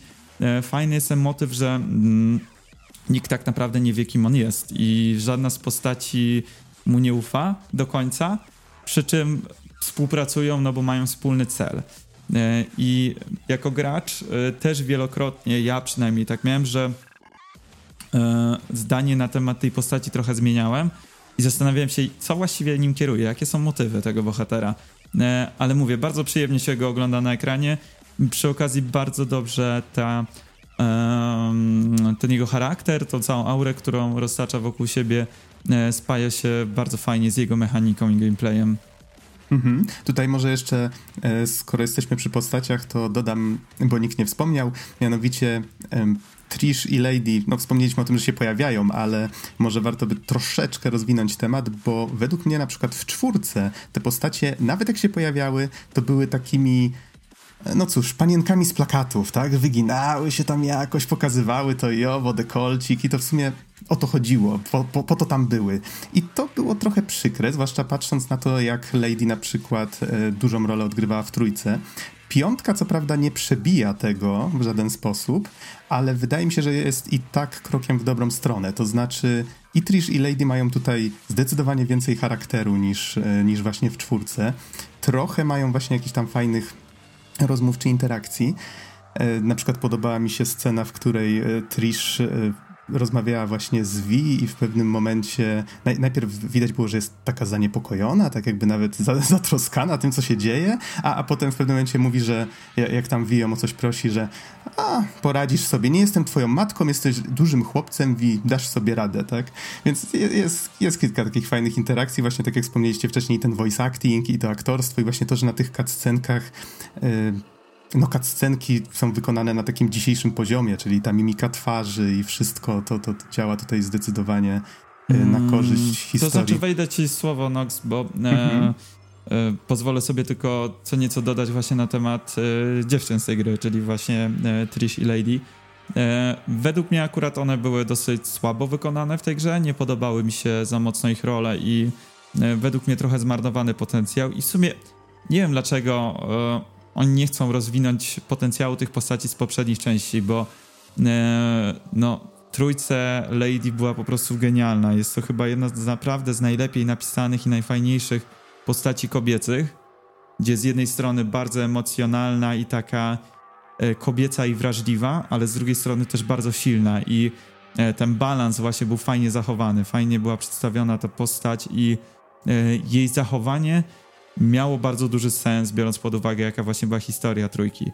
E, Trish raczej za dużej tutaj e, osobowości nie miała w jedynce, bo wiadomo, że ta jedynka troszeczkę miała mniej fabuły ogólnie i mniej się skupiała ogólnie na postaciach, ale trochę, trochę szkoda. Trochę widzę tutaj taki zmarnowany potencjał po raz kolejny, bo w czwórce no, oczywiście te postacie też nie miały zbyt dużo do zaoferowania, a w piące mam wrażenie, że trochę były na siłę. Oczywiście teraz przy drugim, trzecim przejściu widzę, że jest kilka fajnych, śmiesznych interakcji, ale generalnie yy, tutaj właśnie widzę chyba w przypadku tych postaci taki yy, jedyne miejsce, gdzie jest taki trochę niezdrowy dla mnie i na siłę fanserwis yy, i osobiście ja czuję, czuję niedosyt, jeżeli chodzi o to, więc mm mo, moja to opinia może, jest inna. To może po prostu podsumuję tą swoją myśl w ten sposób, że Y, podobało mi się to, że jest dużo, dużo lepiej niż w czwórce. Czyli w czwórce faktycznie to było wręcz, y, wręcz przykre, jak te postacie potraktowali, a tutaj przynajmniej y, jakąś tam minimalną swoją rolę i, i charakter mają, więc to, no to to mi się podobało, ale faktycznie mogło być lepiej. Okej, okay, to nie wiem, czy Izzy coś jeszcze chcesz dodać na temat postaci, czy lecimy do mechaniki? E, wiesz co, myślę, że już możemy lecieć do mechaniki, bo już się rozgadaliśmy srogo tutaj. tak, to A wydaje mi się, że... Devil May Cry to jest mechanika, to jest świetna mechanika, to jest genialny cinematic slasher, no. tak, to, to fakt. Chociaż wiecie co, może jeszcze przed mechaniką wróćmy do tych cutscenek na sekundkę, bo wydaje, chociaż może przy okazji oprawy warto byłoby o tym wspomnieć, bo wydaje mi się, że zmieniła się znacznie, znaczy wydaje mi się, to jest fakt, zmieniła się znacznie stylistyka tej gry. To znaczy, wszystkie postacie są takie bardziej zachodnie. Wcześniej jeszcze widać było, że to są takie, powiedzmy, nie wiem, jak Vergila na przykład w trójce żeśmy oglądali, to on miał takie gładkie lico, jakby się z anime wyrwał. A tutaj już wszystkie postacie w grze mają takie, no, twarde szczęki, to oczywiście też shadery skóry i tak dalej też robią swoje, ale jakby design wszystkiego wydaje się taki bardziej filmowy, taki, że, no Wydaje mi się, że może są oparte na aktorach te postacie, nie, nie jestem pewien. Są oparte na aktorach oczywiście, więc możesz sobie wyszukać i zobaczyć podobieństwo różnych bohaterów. O, no e, proszę. Więc tak, jak najbardziej tutaj są modele, e, e, postacie wymodelowane po modelach żywych, więc i modelkach. Tak, ta stylistyka bardzo mocno się zmieniła z takiego, no jeszcze w trójce i w czwórce właśnie takich ładnych anime chłopców i dziewczynek, nagle mamy takie, mm, no może nie do końca, że realistycznie, bo to są nadal w jakiś tam sposób stylizowane postacie, ale tak jak mówisz, właśnie e, nie wiem, jakiś zarost na twarzy, jakieś zmarszczki, e, widać, że poszli w stronę większego realizmu, tak samo zresztą w animacjach i no i fajnie to wyszło. Mi się osobiście to bardzo podoba w ogóle design niektórych postaci, E, właśnie tak jak Niko, która e, nie jest jakaś przesadnie chuda czy przesadnie idealna. Wygląda po prostu jak no, normalna, ładna dziewczyna, a nie, a nie jakiś tam ideał e, wyrwany z jakiegoś animca. Czy Dante, który ma świetny design i niezależnie od tego, czy go oglądamy w akcji troszeczkę z daleka, czy widzimy jakieś jego najazd kamery na twarz, no wygląda po prostu rewelacyjnie i i to mi się podoba. E, to jest, to jest generalnie też krok w dobrym kierunku. Ta stylistyka e, wydaje mi się, że no, gdyby poszli znowu w stronę czwórki, powiedzmy stylistycznie, czy trójki, no pewnie też by to wy wyglądało fajnie, ale jednak nie bali się pokazać tego, ej, zobaczcie, mamy taki zajebisty silnik i wydaje mi się, że efekt jest chyba nawet jeszcze lepszy niż przy Rezydencie, więc e, no gra jest przepiękna. Niko może jest ładna, ale jest Obleśna. Obleśna? What? No? No, tro, trochę tak. Nie wiem, takie miałem skojarzenie. Pali papierosy, no dobra, no to nie... nie no to, to jest jakiś minus, ale obleśna? No nie wiem. Surfer patrzy na same plusy, zagląda w samo serduszko, doceniam. Mhm, tak, tak ale, charakter e, najważniejszy. Tutaj to, co, to, co no się mówiłeś, nie? że e, rzeczywiście e, Sporo, sporą różnicę tutaj robi jednak e, warstwa wizualna i to po prostu jak, jak ekipa wykorzystała e, RE Engine, nie, bo e, wszystkie te zarówno jeżeli chodzi o tekstury, animacje, jeżeli chodzi o złożoność modeli, ale do tego jeszcze te wszystkie efekty właśnie związane, nie wiem, jakiś tam subsurface scattering, co nie, jakieś takie bardzo, bardzo zaawansowane efekty, które no nie mają E, aż tak miejsca w takich bardzo mocno stylizowanych grach, nie, to tutaj wykorzystali to wszystko i naprawdę te postaci wydają się takie bardzo, bardzo ludzkie, bardzo, bardzo naturalne. E, pomimo tego, że dalej widzimy, że są przerysowane, przekolorowane i w ogóle, ale tak jeszcze oftopując trochę, to gdzieś... Jeszcze widzie... bardziej? Jak jeszcze bardziej? Mówimy tutaj trochę o prawie, jakby na to nie patrzeć. No, ale yy, yy, widziałem bardzo fajne porównanie takie na zasadzie, że no patrzcie, kiedyś się zachwycaliśmy czymś takim i yy, sceny z Final Fantasy VII Advent Children i no i to wyglądało tak i wtedy to było takie o, a tutaj popatrzcie jak wyglądają scenki w Devil May Cry 5. I to wszystko w czasie rzeczywistym i wszystko śmiga. I naprawdę, to co, to, co tutaj zrobili, to jest mistrzostwo. Znaczy, powiem tak, y, jeszcze dodając swoje trzy grosze na ten temat, to mimo tego, że grę przechodzę po raz trzeci, to i tak prawie wszystkie scenki oglądam, bo po prostu dialogi, to jak są napisane, plus rewelacyjny voice, acting, tutaj e, przede wszystkim duże brawa dla aktora, który podkłada głos Morrisona. Po prostu uwielbiam każdą jego kwestię. Nie ma go zbyt dużo, bo to jest taka poboczna postać, ale jak się pojawia, to za każdym razem jest po prostu punkt idealnie. Plus właśnie mimika i no i to jak graficznie się prezentuje, no po prostu mm, e, ta scena na przykład, gdzie Morrison rozmawia z Dante w biurze, jest po prostu tak przepiękna i tak cudownie zagrana, że no za każdym razem z wielką przyjemnością to oglądam i te interakcje między różnymi bohaterami dzięki temu no, są na zupełnie innym poziomie. Swoją drogą to jest chyba e, po trójce, na, albo obok trójki, według mnie najlepiej napisana część właśnie, jeżeli chodzi o fabułę, chociaż mam kilka drobnych zarzutów, i jeżeli chodzi właśnie o poziom dialogów, to jak te postacie są napisane, więc tutaj naprawdę duży plus. Swoją drogą, Nox, wiem, że pewnie jeszcze masz co nieco do dodania, bo zawsze musisz coś dodać, ale myślę, że powoli musimy przejść do mechaniki, bo tak dużo gadamy o wszystkim wokół, a nadal nie powiedzieliśmy, o co w tej grze chodzi. Sieka się i strzela. Znaczy w sumie sieka, bo strzelało się w dwójce, a tutaj się sieka.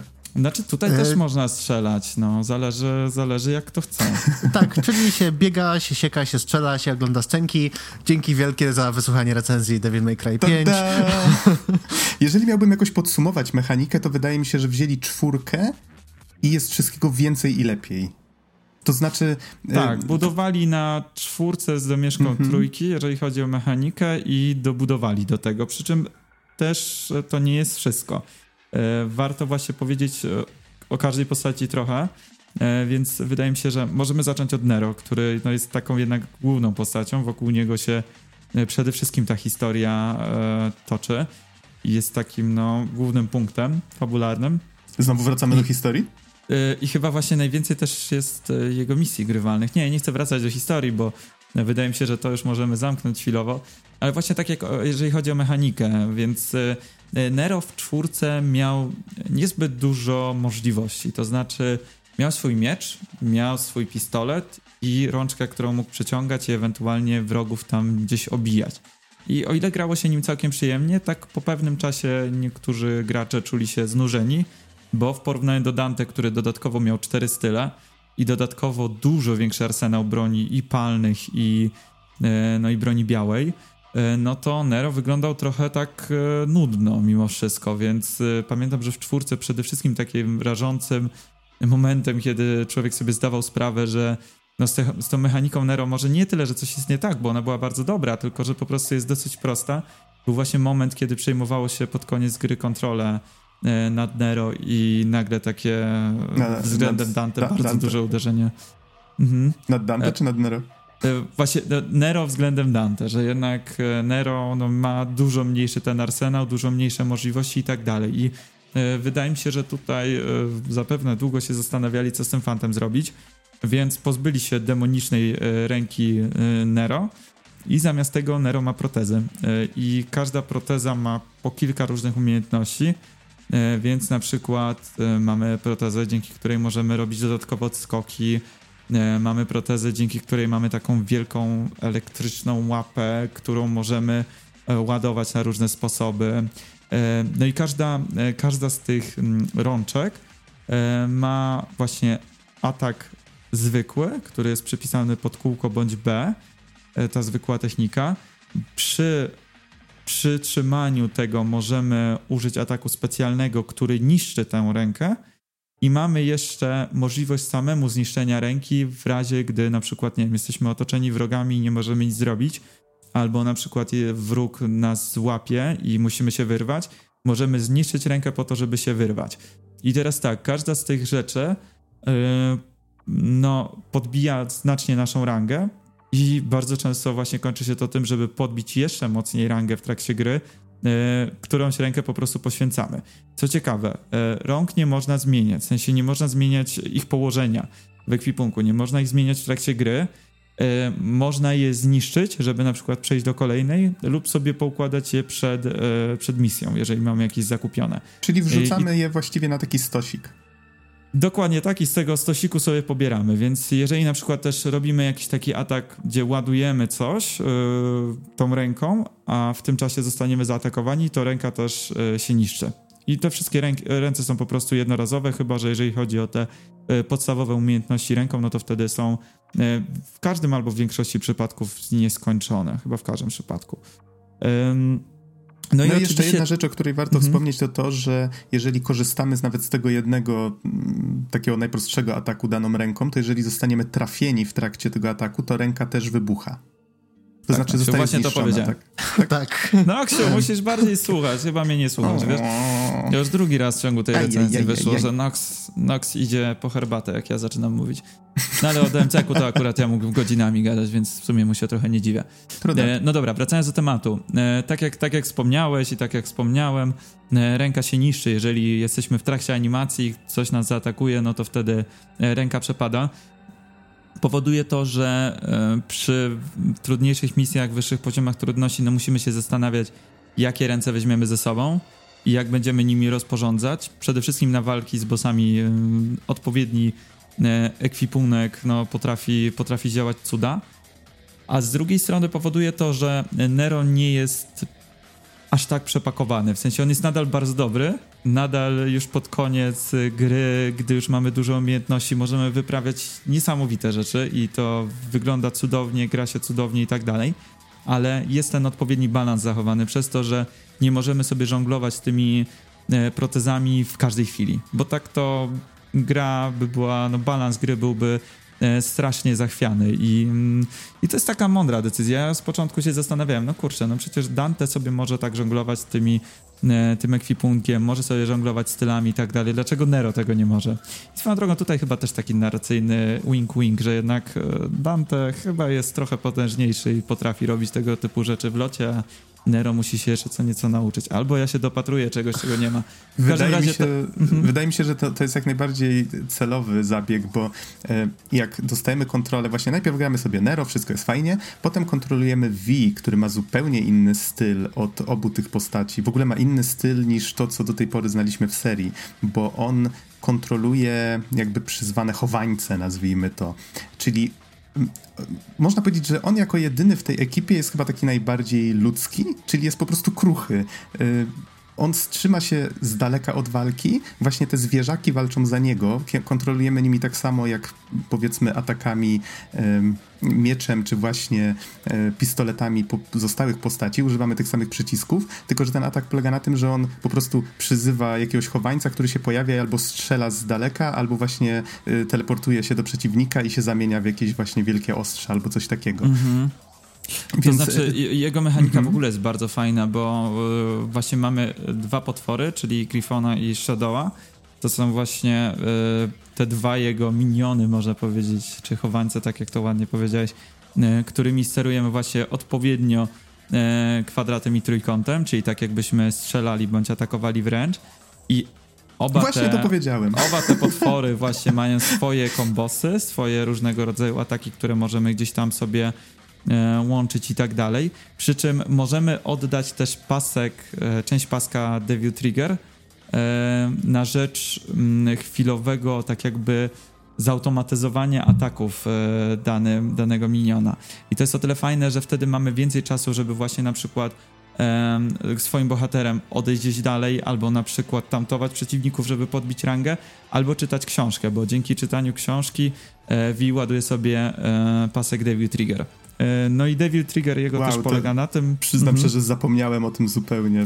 Tak, to się, to się bardzo przydaje, bo właśnie fajnym takim sposobem jest użycie na przykład e, części tego paska Devil Trigger po to, żeby zautomatyzować walkę, a w tym czasie się odsunąć na przykład i sobie czytać trochę książkę i przyzwać e, wtedy e, tego jego najpotężniejszego potwora. On się nazywał Nightmare chyba. Z tego, Nightmare? Tak Nie. jest, Nightmare. Tak? Nightmare. Mhm.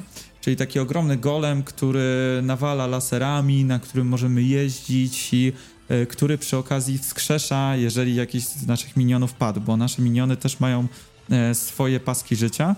I to jest też fajne, bo y, musimy w, o bardzo wielu rzeczach myśleć w jednym momencie i jego gameplay jako całej postaci jest dosyć nietypowy i może być dla niektórych właśnie z początku trudny, bo musimy się skupiać i na swoich minionach, i na swoim położeniu, yy, i na paskach zdrowia yy, poprzez yy, różnego rodzaju uniki, czy to w powietrze, czy na boki przyzywamy swoje miniony do siebie, więc możemy kontrolować częściowo przynajmniej ich położenie. No i co najważniejsze w mechanice V, to to, że nasze miniony nie mogą zabijać potworów, mogą tylko prowadzić w taki stan oszołomienia, można powiedzieć. I musimy, żeby zabić potwora, musimy samym bohaterem e, podlecieć i wykonać cios skończący. To jest naprawdę super, bo musimy po prostu cały czas, e, co jakiś czas wracać, e, wracać w środek walki, gdzie jest bardzo niebezpiecznie. Tak jak Nox wspomniał, Wi jest bardzo kruchy, bardzo szybko traci zdrowie i, no i praktycznie nie ma się jak bronić. E, czy, czy jak atakować, jeżeli miniony nie są w pobliżu. Więc e, tak na dobrą sprawę nasza gra polega na tym, że e, sterujemy minionami, po czym wlatujemy do środka, wyniszczamy co możemy, szybki odwrót, zobaczenie jak wygląda sytuacja i walka dalej. Szybkie decyzje na podstawie tego, co się dzieje. I według mnie ten gameplay wyszedł naprawdę fajnie. Oczywiście nadal nie uważam, że aż tak dobrze jak w przypadku Nero czy Dante, ale był to ciekawy eksperyment, który generalnie się udał według mnie i jest to takie odświeżające, jest to coś zupełnie innego. E, mi troszeczkę z początku przypominało to grę e, też Capcomu Chaos Legion z bardzo, bardzo dawnych lat, z czasów PS2, gdzie właśnie kierowaliśmy armią różnych potworów i e, sterowaliśmy ich atakami. I tutaj mam wrażenie, że jest takie drobne podobieństwo i wyszło to naprawdę fajnie według mnie. Jest to takie odświeżające. E, tak, w ogóle to jest bardzo fajne takie właśnie uzupełnienie, yy, uzupełnienie reszty mechanik, nie? Na zasadzie, że skupiamy się na zupełnie czymś innym, na jakimś konkretnym aspekcie rozgrywki. Yy, I jeszcze według mnie to chyba jedno, jedna z najfajniejszych takich, że tak powiem, implementacji mechaniki Samonera w, w, w takich grach akcji, nie? Bo rzadko się korzysta w ogóle z tego, z tego motywu, że rzeczywiście walczymy jakimś, jakimś takim przywoływaczem, a tutaj nie dość, że y, postanowili, postanowili to zrobić w Cinematic Slasherze, to jeszcze naprawdę bardzo dobrze im to wyszło. Mm, jeżeli mogę w takim razie taką kontrargumentację też dodać trochę na minus właśnie e, V, nie podobała mi się jedna rzecz i to tak trochę kłuło mnie aż do samego końca. To znaczy, że to przyzywanie tych, post, tych e, nie postaci, tylko tych chowańców sprawia, że między naciśnięciem przycisku a akcją jest taki nieprzyjemny lag. Coś, co jeżeli faktycznie ktoś, nie wiem, jest nawykły do gier akcji, chodzi, siepie tymi mieczami i, i zawsze jest przyzwyczajony do tego, że to jest takie responsywne, że momentalnie widzi, że, że robi akcję, naciska przycisk i widzi reakcję chwilę potem, no to tutaj potrafiło mi się zdarzyć tak, że na przykład chciałem, żeby ta pantera, czy, czy co to tam było, zaatakowała, naciskam i ona, nie wiem, sekundę czekała, czasami trwało to dwie sekundy, tak ten, ten y, delay, czy ta przerwa wydawała się taka czasami zmienna i nie wiedziałem, czy to dlatego, że ona gdzieś tam się powiedzmy zapodziała, czy, czy może gdzieś się zablokowała. Wiesz co, to chodzi? Bardziej o animację i takim moim sposobem na to, żeby wrócić do takiego świadomego wydawania komend, a nie jakiegoś tam maszowania, najlepiej było po prostu robić ataki charge'owane e, oboma minionami i później wydawanie tych komend, które chciałem. Jak już animacja ataku się skończyła. I wtedy rzeczywiście te kombosy wychodzą fajne, fajnie.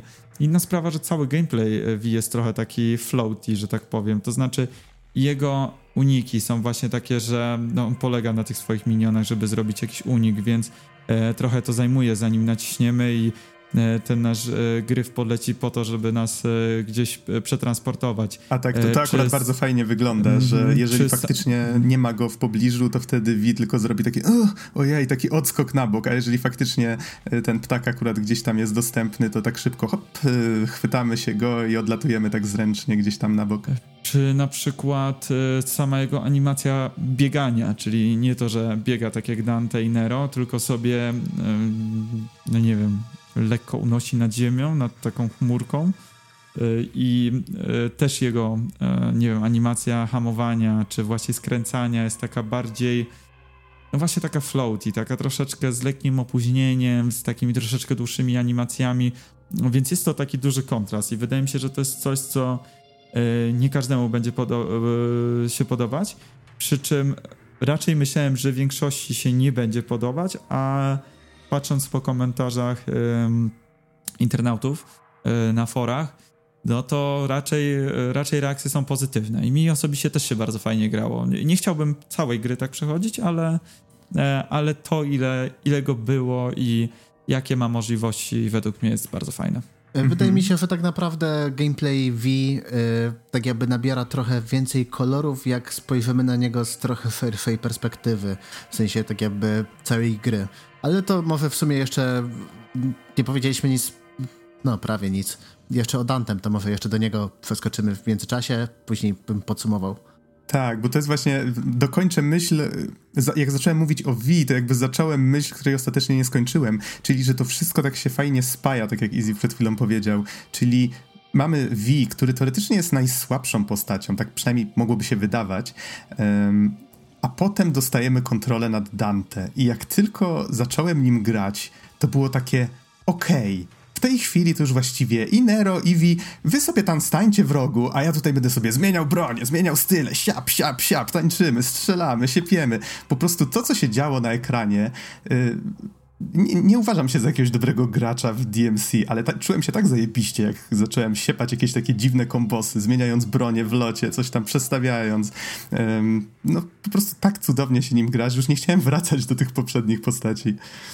I on faktycznie znaczy, sprawia wrażenie takiego badasa, który no, jest najsilniejszy z całego tego tak, trio. Tak, fabularnie ma to też bardzo duży sens właśnie, że on jest tak przepakowany. I jak zawsze, no to jest taki po prostu arsenał broni, czy to palnych, czy broni białej, właśnie po cztery chyba sztuki każdej. E, I wszystko w locie, plus cztery style, gdzie każdy styl ma jeszcze ileś tam umiejętności. I to jest w ogóle pierwsza część, e, w której wykorzystuję wszystkie style e, i wszystkie są przydatne. To znaczy Trickster oczywiście do uników, do jakiegoś doskakiwania do przeciwników, czy szybkiego wybiegania z jakichś takich dziwnych sytuacji. Swordmaster, bo bardzo, bardzo mocne ulepszenie wszystkich broni białych. Gunslinger, który zawsze mi się wydawał trochę taki wrzucony na siłę, no tutaj jest tak przepotężny i po prostu takie rzeczy niesamowite się dzieją. E, oczywiście do tego wszystkiego dochodzą niesamowite animacje, więc to jeszcze potęguje efekt, ale Gunslinger jest niesamowicie silny, to znaczy taki chwilowy damage, który jest poprzedzony jakimś tam e, czasem ładowania, powiedzmy, to jeżeli to wejdzie, to jest po prostu przepiękne, to co się dzieje na ekranie. A Royal Guard y, też się przydaje, bo z jednej strony właśnie broni przed wieloma atakami, które w innych przypadkach ciężko by było ominąć, a z drugiej strony możemy kumulować energię poprzez e, parowanie ciosów, a następnie ją zużywać, żeby e, w ciągu po prostu sekundy zadać niesamowicie duże obrażenia. I to jest też bardzo satysfakcjonujące, jeżeli E, gdzieś tam widzimy, że przeciwnik już się na nas szykuje, już od 5 sekund czarżuje na nas atak i już leci, a my nagle robimy tylko taki pstryk. Animacja tego przeciwnika kompletnie się rozwala, gdzieś tam on się wywala, nam wychodzi ranga dwie, dwa oczka wyżej jest po prostu takie, o kurde, to też jest zajebiste. I, e, no i właśnie całym tym arsenałem po prostu, no Dante jest takim powerhouse i no bardzo przyjemnie się nim gra. Właśnie, skoro już mowa o rangach, to jeszcze nie zapominajmy o tym, że każda z postaci ma specjalne taunty, tudzież trwiny, czy jakkolwiek to nazwiemy, gdzie po prostu możemy się zatrzymać, zrobić głupią animację prowokującą przeciwników i to nam podbija od, no od, razu, to znaczy nie od razu, po zakończeniu animacji podbija nam to rangę. I cały czas, tak jakby cały gameplay się kręci w oku tego, żeby trzymać jak najwyższą rangę, jak, jak najbardziej stylowo było. I z jednej strony to jest fajne, e, to jest zaprojektowane tak, żeby przerzucać się między różnymi technikami, żeby różne komba robić, e, bo one podbijają rangę, ale z drugiej strony dostajemy za to więcej później orbów, które wydajemy na więcej technik, dzięki czemu możemy wyższą rangę utrzymywać. No i super się czujemy, jak dostajemy potrójne S i wszystko po zabiciu ostatniego przeciwniku, e, przeciwnika akcja zwalnia i w slow motion właśnie widać oh, Smoking Six Style. No i jeszcze jedno, że muzyka się zmienia wraz z coraz wyższą rangą, więc na przykład dochodzą wokale, dodatkowe instrumenty i tak dalej, więc to jeszcze pompuje adrenalinę, jeszcze potęguje ten efekt, więc A, tak. E, Tutaj... jest to na... Mhm. E, jeszcze właśnie to, to mi przypomina tą całą drakę, jak pokazywali demo Y, na którejś imprezie, nie pamiętam już na której, i y, recenzenci pisali, że o nie, że tutaj przecież taki fajny ten Devil Trigger, taka fajna muzyka, no a przecież w grze tego nie, słysza nie słyszałem, była jakaś taka mega uproszczona wersja, to, to nie było fajne, muzyka jest strasznie słaba. Sami się zaorali, że tak powiem. Tak. O, dokładnie tak. tak, dokładnie tak. E, w ogóle no, ten, ten pasek stylu, znaczy te, te rangi stylu, E, są naprawdę fajnym rozwiązaniem, bo każdą postacią po prostu jesteśmy zmuszeni do tego, żeby kombinować. I każda walka to jest też poznawanie e, coraz mocniej tych postaci i mm, to jest naprawdę fajne i to naprawdę najfajniej oczywiście działa na Dante, ale, ale gameplay każdej postaci dzięki temu jest fajny. No jeżeli ktoś lubi tak śrubować swoje wyniki, jest naprawdę e, super.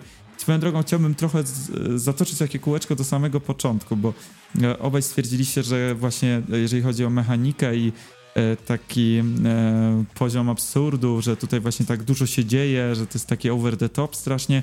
Przy czym ja zawsze lubię troszeczkę kontrastować na przykład z Bajonetą, no, z taką najbardziej popularną grą akcji poza DMC, gdzie jednak Bayonetta ma na przykład troszeczkę inny styl grania, gdzie właśnie tam jest takie wszystko over the top, gdzie e, po prostu walki jakieś w kosmosie, na jakichś samolotach i tak dalej, i tak dalej.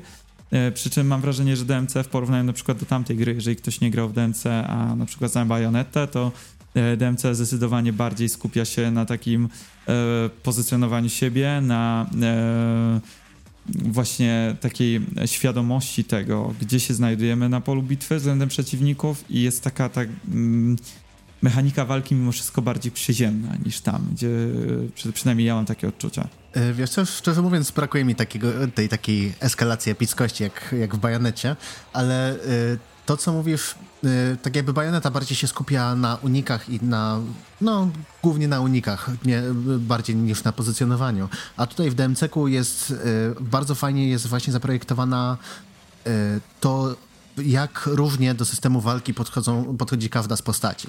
W sensie mamy Nero, który tak naprawdę jest. Który mechanicznie mówi graczowi: Słuchaj, pamiętaj o zasobach, nie? W sensie mamy jakieś zasoby, w tym przypadku mamy różne ręce. Yy, do tego yy, jeszcze podczas ataku dalej mamy Red Queen, czerwoną królową, gdzie można yy, ją przekręcać właśnie jak, jak silnik motocyklu.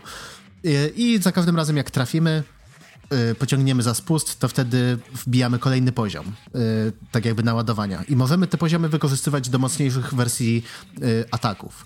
Później możemy jeszcze ładować trochę rewolwer i co też daje nam specjalne strzały, które też są pewnym zasobem. I tak jakby cały czas, jak gramy Nero, to jest na zasadzie, ok, dobra, no to tutaj to przytrzymam, tutaj wytajmuję odpowiednio i dzięki temu zdobędę zasoby, które później mogę wykorzystać do lepszych kombosów. Mm, wiecie Później... co, panowie? Przepraszam, że ci easy przerwę, ale i, i, tych elementów mechaniki dla każdej z tych postaci jest na tyle dużo, że moglibyśmy o każdym z nich pomówić naprawdę bardzo długo.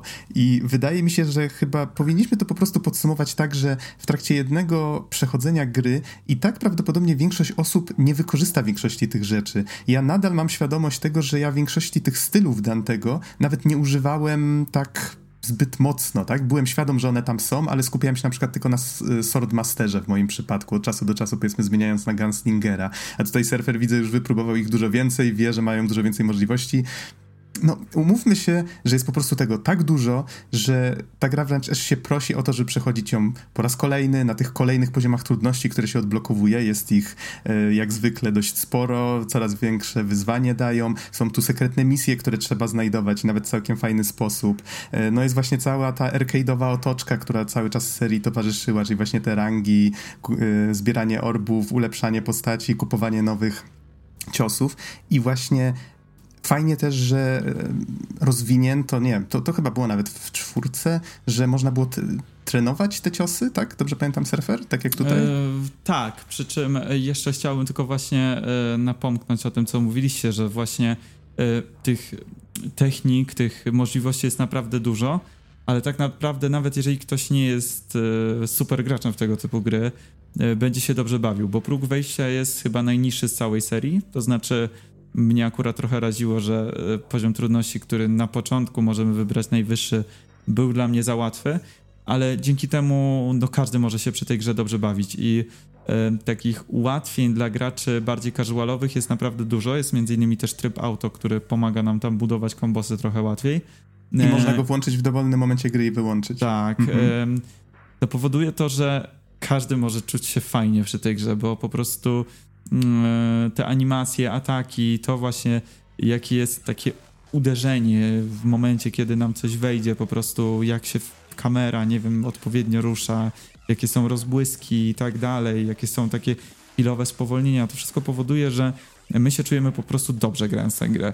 A przez to, ile jest tych możliwości, każdy może sobie wybrać, ok, ja chcę, ja chcę pójść na kolejny poziom, ja chcę iść dalej, chcę zagłębić się mocniej w mechaniki, chcę zobaczyć, co to są jump cancele, chcę zobaczyć, jak zmieniać szybko e, w locie różnego rodzaju style, jak zmieniać bronie, jakie kombinacje broni jedna po drugiej będą najlepsze. To trochę przypomina taką y, grę w mhm. bijatykę. Po prostu chyba tej grze jest y, najbliżej do bijatyki poza samymi bijatykami, bo mówię, każdy może wziąć po prostu pada i bawić się przy tym dobrze, bo okej, okay, tutaj masz machanie mieczem, tutaj masz szały i tutaj masz przyciąganie i masz baw się i to będzie też fajnie wyglądać i będzie sprawiało radochę, ale jeżeli chodzi o e, sufit tych możliwości, gdzie możesz dobić, jest po prostu tak nieziemski i no polecam, jeżeli ktoś już przeszedł grę, a chciałby zobaczyć, to polecam sobie poszukać na YouTubie właśnie jakieś takie e, filmiki, gdzie, gdzie pokazują gracze, co potrafią zrobić. To jest po prostu jakiś kosmos. Więc, mm -hmm. więc jest super. Znowu do tej mechaniki wracamy jak bumerang, no ale nie da się ukryć, że to jest ultra ważna część tej serii. Proponuję, żebyśmy teraz powiedzieli trochę na temat lokacji, bo to też jest bardzo ważne, i na temat multiplayera, a potem powiemy trochę może jeszcze o jakichś drobnych wadach czy coś, bo mimo wszystko trochę żeśmy się rozgadali, a jeszcze zostało nam odrobinę tych tematów. Y, więc może zacznijmy od, od, od lokacji? Co, co byście powiedzieli na temat tego, w jakich miejscach są, w jakich miejscach jest umiejscowiona akcja? No bo w jedynce mieliśmy właśnie jakąś wyspę, na której był jakiś zameczek czy pałac, to było wszystko takie klimatyczne. W dwójce było wszystko szarobure, e, zniszczone ruiny. E, I mam wrażenie, że chyba twórcy jakoś starali się właśnie wziąć ten setting z dwójki i zrobić go ciekawiej. Wszystko faktycznie jest takie postapokaliptyczne, ale niestety też raczej takie szarobure. Jak sądzicie? No mi się wydaje, że tutaj y, trochę było zapożyczeń z demce Devil May Cry, czyli tego y, spin-offu. To znaczy mamy setting y, trochę bardziej nowoczesny, to znaczy mamy miasta, które wyglądają bardzo nowocześnie, znaczy może nie bardzo nowocześnie, ale po prostu wyglądają tak jak, no nie wiem, miasta dzisiaj wyglądają. Mamy jakieś stacje metra, po których sobie biegamy i tak dalej. E, więc generalnie e, ten kierunek artystyczny i design e, na pierwszy rzut oka wydaje się bardzo fajny, szczególnie po lokacji z Dema, która jest jedną z fajniejszych lokacji w grze. Niestety to jest najsłabszy punkt tej gry dla mnie. Tak więc niestety przez dużą część gry będziemy chodzić po prostu po jakichś takich demonicznych jaskiniach, czy, czy po jakichś takich, mm, no nie wiem, demonicznych lokacjach, które wszystkie wyglądają bardzo podobnie i mam wrażenie, że mm, szczególnie w drugiej połowie gry jest to bardzo odczuwalne, przy czym mm, może troszeczkę jest to minimalizowane przez to, że e, w momencie, kiedy lokacje się stają mniej ciekawsze, fabuła wrzuca kolejny bieg i robi się coraz ciekawsza, intryga coraz e, bardziej interesująca i tak dalej ale byłem strasznie zużony przy pierwszym przejściu tymi lokacjami. Byłem mocno zawiedziony, znaczy nadal, nadal w sumie jestem, przy czym e, zaakceptowałem to, jak, jak to wygląda w tym momencie i tyle. Ale design zdecydowanie jeden ze słabszych. No, tak jak mówiłeś, jedynka miała taki fajny klimat, gdzie e, jeszcze było widać takie odniesienia mechaniczne jakieś do Residenta. Widać było, że z Residenta jednak ta seria się wywodzi. E, trójka miała tą wieżę, która też była bardzo fajna i te lokacje w tej wieży były e, różnorodne. Czwórka też w ogóle była mega różnorodna tak naprawdę. Um, ale miała jednak ten, ten ale ten minus. backtracking. Ten tak, backtracking, z backtrackingiem, tak. to prawda. Tutaj e... tego nie ma. To, to jest faktycznie duży plus piątki, że wszystko, co je, każda lokacja jest właściwie inna, nowa, zrobiona od podstaw. Tylko, Tylko właśnie z tego, skoro to wygląda wszystko podobnie od pewnego Niestety, momentu, wiesz? Tak. I, I właśnie e, nawet sobie dwa dni temu oglądałem taką analizę Devil May Cry DMC, gdzie no ja tam osobiście miałem kilka zarzutów, jeżeli chodzi o design, bo dla mnie był zbyt krzykliwy, często zbyt męczący, ale jednak... E, no, kierunek artystyczny był nieziemski i to, to chyba była najmocniejsza strona tej gry i, i trochę szkoda. No, gdzieś tutaj nie wiem, czy zabrakło czasu, czy zasobów, czy, mm, czy, czy o co tam chodzi. Yy, no oczywiście nie jest to aż tak super ważne, bo najważniejsze, że ta mechanika działa jak należy, a lokacje, no to powiedzmy gdzieś tam są poboczne, no ale, ale jest to niestety jeden z takich słabszych elementów i, i trochę boli. E, co do miejscówek, to wydaje mi się, że właśnie tak jakby w późniejszych, e, w, tak jakby w późniejszych rozdziałach gry e, właśnie odpadają e, no po prostu ten, ten design jest taki strasznie repetytywny, prawda? Ale z drugiej strony wtedy starają się nadrabiać znajdźkami, jakimiś takimi zagadkami, powiedzmy. W sensie rzeczywiście jest parę znajdziek, jest parę jakichś tam dodatkowych, dodatkowych misji, które są schowane za takimi nie dość oczywistymi ścianami czy przejściami, gdzie rzeczywiście musimy wiedzieć, jak działa ten system, typu, y, typu nie wiem, platforma, która się, która się obniża wraz z ilością przeciwników i jeżeli spadnie do jakiegoś momentu, no to wtedy sorry, już nie możemy się wbić. Więc tak jakby od strony mechanicznej, od, mechanicznej dużo więcej od nas wymaga, no ale przez to no, nie jest ciekawe, nie jest w żaden sposób atrakcyjny wizualnie. To znaczy, też się nie do końca zgodzę, bo o ile tak jak odkrywanie misji sekretnych jest naprawdę fajne, bo tam są te takie jakieś pentagramy czy coś tam narysowane na y, ścianach, czy, czy na różnych tam podłożach i tak dalej, i czasami jest taka fajna zabawa perspektywą. Na przykład w jednej misji było to fajne, bo e, widziałem już ten, te, te znaki namalowane, dzięki którym można odblokować misję, ale trzeba z konkretnego punktu tak jakby ten e, znak złożyć całość poprzez odpowiednie właśnie ustawienie postaci. I było bardzo dużo kombinowania fajnego, jak tutaj się ustawić. Okazało się, że w ogóle jest jakieś przejście, którego wcześniej nie odkryłem, dzięki któremu można spojrzeć z innej perspektywy na to miejsce i odblokować tę misję. To jest super. Ale znowu, w porównaniu na przykład do takiego e, DMC Devil May Cry, yy, czyli tego, tej gry powiedzmy w zachodnim stylu z Devil May Cry, no tam były te dusze zaklęte, były jakieś dodatkowe znajdźki, były miejsca, które były zablokowane przez to, że nie posiadaliśmy danej broni, przez to ten było po co wracać do tych lokacji. Nie, nie tylko po gameplay, ale także po inne rzeczy. A tutaj tak naprawdę no, tych misji pobocznych jest niedużo, no gdzie niegdzie są tam rozproszone te e, kawałki blue orbów i Um, chyba Purple Orbów, nie pamiętam, chyba Purple Orb, te, te, które zwiększały Devil Trigger się nazywały. Więc oczywiście to jest fajne i niektóre są ukryte no, w taki naprawdę inteligentny sposób. No, szczególnie, że przechodzę grę trzeci raz, a nadal nie mam wszystkiego. Przy czym więcej było tego w poprzednich y, grach i mam wrażenie, że no wraz z takim, tak jak to powiedziałeś, repetytywnym designem, takim kierunkiem artystycznym, szczególnie w drugiej połowie gry, no tak po prostu leciało się po sznurku od punktu A do punktu B bez jakiegoś takiego większego pomysłu. No jakbym miał coś podejrzewać, to sądzę, że kwestie czasowo-biznesowe jak zawsze gdzieś tam musiały zaważyć, no bo mm, no pierwsza połowa gry jest dużo mocniejsza pod tym względem. Mhm, to ja może tak postaram się to zebrać w całość w dwóch zdaniach, um, czyli wydaje mi się, że możemy się chyba zgodzić, że level designersko, czyli projekt leveli jest ok. Czyli faktycznie mamy co zwiedzać, mamy co szukać. Akurat tutaj nie zgodzę się z surferem do końca z tym, że w poprzednich częściach było tego więcej. Wydaje mi się, że tutaj też jest tego całkiem sporo ale chyba wszyscy narzekamy najbardziej właśnie nie na level design, tylko na level art, czy na design środowiskowy, tak? Po prostu na asety, ich różnorodność. Jest tego sporo, ale nadal mogłoby być tego więcej. No dobrze, to wydaje mi się, że nie wspomnieliśmy o jeszcze jednej ciekawostce, mianowicie o multiplayerze, o czymś, co właściwie gra przez cały czas mi gdzieś tam podsuwała, czyli pokazywała się jakaś informacja, że teraz tam um, właśnie tam było hastering, czyli że, że występują i było napisane albo, że zespół tworzący grę, albo jakaś ksywka się wyświetlała. I ja kompletnie nie rozumiałem o co chodzi. E, pod koniec misji na przykład gra mnie prosiła, żebym ocenił czyjś, e, e, czy, czyjś styl. Ja mówię, no okej, okay, no będę oceniał, że, że byli zajebiści, no super, ekstra, tylko o co chodzi tak naprawdę? I dopiero pod koniec gry się zorientowałem, znaczy nawet się nie zorientowałem, przeczytałem po prostu, że ja właściwie grałem z żywymi ludźmi w niektórych momentach, że jak są levele, w których powiedzmy te postacie gdzieś tam fabularnie um, powiedzmy jedna idzie jedną drogą, druga drugą i tam możemy się obserwować nawzajem, to że faktycznie tym drugim graczem czasami, jeżeli właśnie widzimy napis, że to jest zespół tworzący grę, no to znaczy, że to jest jakiś tam nagrany wcześniej e, offline'owy gameplay, ale może to być żywy człowiek, który tam chodzi i siepie i ja po prostu w ogóle tego nie zauważyłem.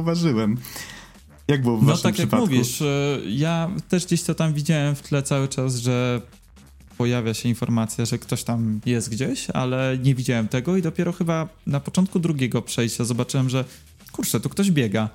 I e, w jednej misji e, miałem bardzo fajną sytuację, bo biegaliśmy we trójkę.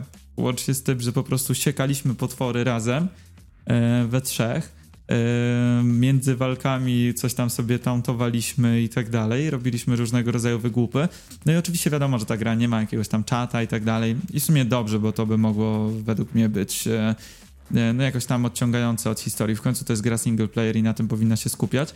Ale jest to fajne i to nie w każdej misji e, oczywiście się rzuca w oczy, ale w tych, których się rzucało i w których grało się z innymi graczami było naprawdę fajne. E, no i inna sprawa, że będzie niedługo dostępne darmowe DLC e, z Bloody Palace, czyli z e, takim z taką lokacją, w której możemy mamy hordy potworów, które musimy zabijać. Takie poziomy po prostu coraz wyższe przechodzimy tych, tych walk. i wiem, że będzie tam między innymi multiplayer, więc to jest, to jest fajna rzecz i fajnie jest to zaimplementowane, bo z jednej strony jak już się to zauważy, to jest to fajne, no bo fajnie jest czasami z kim sobie pobiegać, ale z drugiej strony to w żadnym wypadku nie jest jakiś wymuszony multiplayer czy coś takiego. Nie, możecie nadal e, to wyłączyć w opcjach i grać samemu. W żadnym wypadku, nawet jeżeli biegacie z kimś innym, to to nie psuje rozgrywki, czy nie wybija z klimatu, czy fabuły. Nigdzie nas nie blokuje, że nie wiem, ktoś gdzieś nie przyszedł, czy coś i nie wiem, stęka nam się, nic tych rzeczy. Więc e, spokojnie można z tym grać sobie i i po prostu mówię, no my, my na przykład, tak jak ja czy Noxo, nawet nie zauważyliśmy tego za pierwszym przejściem. Mhm. Ja w sumie też dopiero gdzieś tam w połowie gry yy, szukając, szukając jakiejś znajdźki, tak nagle zacząłem obserwować, ej, a przecież tam chyba ktoś biega za ogrodzeniem, co to się dzieje? I dopiero po chwili zczaiłem, że ej, ty, no rzeczywiście. Ja byłem święcie przekonany, że to było wcześniej nagrane. E, no dobrze. Powiedzieliśmy już o mechanice, powiedzieliśmy trochę o prawie, nie wspomnieliśmy w ogóle o, o muzyce, ale może jeszcze nim do tego przejdziemy, to tak wspomnę o paru rzeczach, które starałem się pamiętać, czyli na przykład to, że e, dziwna sprawa, nie da się zastopować cutscenek, da się je tylko przewinąć. Przynajmniej nie znalazłem sposobu, czyli przycisk options, tak jak powiedzmy tak. w innych grach pozwala mhm. zrobić pauzę i tam można sobie wybrać albo, żeby znowu włączyć cutscenkę, albo żeby ją przewinąć. Tak tutaj po prostu takie nieprzyjemne ciach i no trudno, straciłeś cutscenkę. Co prawda można je wszystkie obejrzeć tam chociażby z poziomu menu, więc to jest fajne, ale takie dziwne trochę, dziwna decyzja. Wejście do menu systemowego też nie działa. O, mhm. W sensie no. cutscenka leci dalej, czy... Yy, nie, jest, jest przerwana. Jest po prostu skipowana i no to, to jest bardzo potem. dziwne, bo ja miałem akurat telefon podczas jednej cutscenki i wreszcie, wreszcie jej nie obejrzałem za pierwszym przejściem. Po prostu, no na szczęście ona chyba nie była jakaś super ważna, bo to była jakaś tam e, drobna cutscenka przed walką z bossem. Ale właśnie, no głupie, no bo tak pierwsze, że, pierwsza rzecz, no to okej, okay, naciskam start i nagle, mm, okej, okay, chyba przewinąłem właśnie cutscenkę. No takie słabe, strasznie słabe. No wydaje mi się, że to jest raczej taki ukłon w stronę speedrunnerów, no bo jednak jak przechodzisz grę enty raz, no to tutaj masz tylko jeden przycisk i voilà, tak? No ale niemniej yy, domyślam się, że niektórym Wiesz może co? to przeszkadzać. Ale yy, mogli dać jakiś, nie wiem, skrót, czy pod jakimś innym przyciskiem do takiego yy, Gdyby chcieli, gdyby tak naprawdę chcieli, wiesz, z, yy, kłaniać się speedrunnerom, że tak powiem, to włączyliby możliwość e, w ogóle wyłączenia scenek w menusach, bo... A, to, to, to inna sprawa właśnie, to jest, to jest dobre też rozwiązanie. problem, taki, że z jednej strony mamy seamless loading, w sensie wchodzimy do poziomu, rzeczywiście ten loading chwilę trwa, ale później już w trakcie całego poziomu nie ma, nie ma nic. Chyba, że jest cutscenka albo wchodzimy do menu. I wtedy za każdym razem, przy każdej, e, przy tam większości cutscenek, tudzież przy wejściu do menu, Rzeczywiście, to menu wygląda bardzo fajnie, jest tam 3D, wszystko animowane, jakieś czasami są smaczki, jakieś śmieszki na ekranie, ale no menu za każdym razem powoduje loading screen. I to to jest trochę frustrujące jednak, szczególnie jeżeli podchodzimy któryś raz do misji, chcemy coś tam, coś tam ogarnąć i rzeczywiście wybierz najpierw misję, czekaj loading, cutscenka, chwilka loadingu, menu, dajesz, dobra, startuj misję, no to loading, cutscenka, chwila przerwy i, i dopiero graf. To jest mhm. masa czasu straconego no, po prostu menusy, na menusy są strasznie męczące niestety i mm, to tak wręcz e, rozprasza. Czasami to nawet łapałem się na tym, że nie kupowałem przedmiotów, bo po prostu um, no, irytowały mnie loadingi. To znaczy, to one też nie są jakieś hiper długie, to żeby nie było, że one trwają, nie wiem, minutę czy dwie, bo one trwają tam po kilka, nie wiem, 12-10 sekund.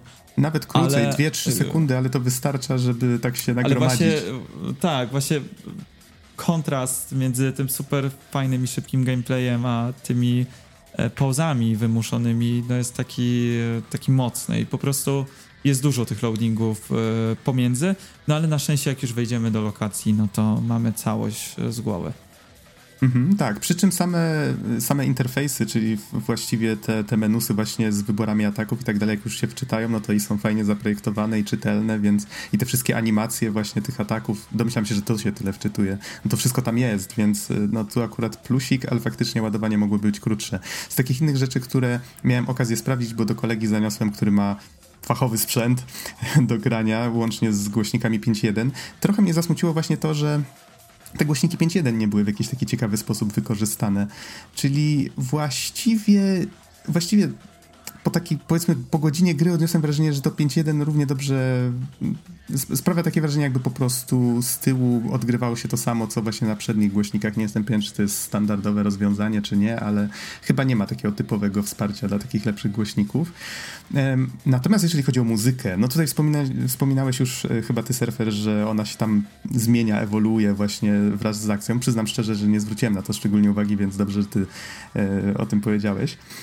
Mm, ale fajnie pasuje. Co prawda poza grom domyślam się, że jak się jej słucha, to jest raczej taki łomot albo darcie paszczy, ale tutaj jak się gra, to, to fajnie się to zlewa z tym, co się dzieje na ekranie. Jak byście to ocenili?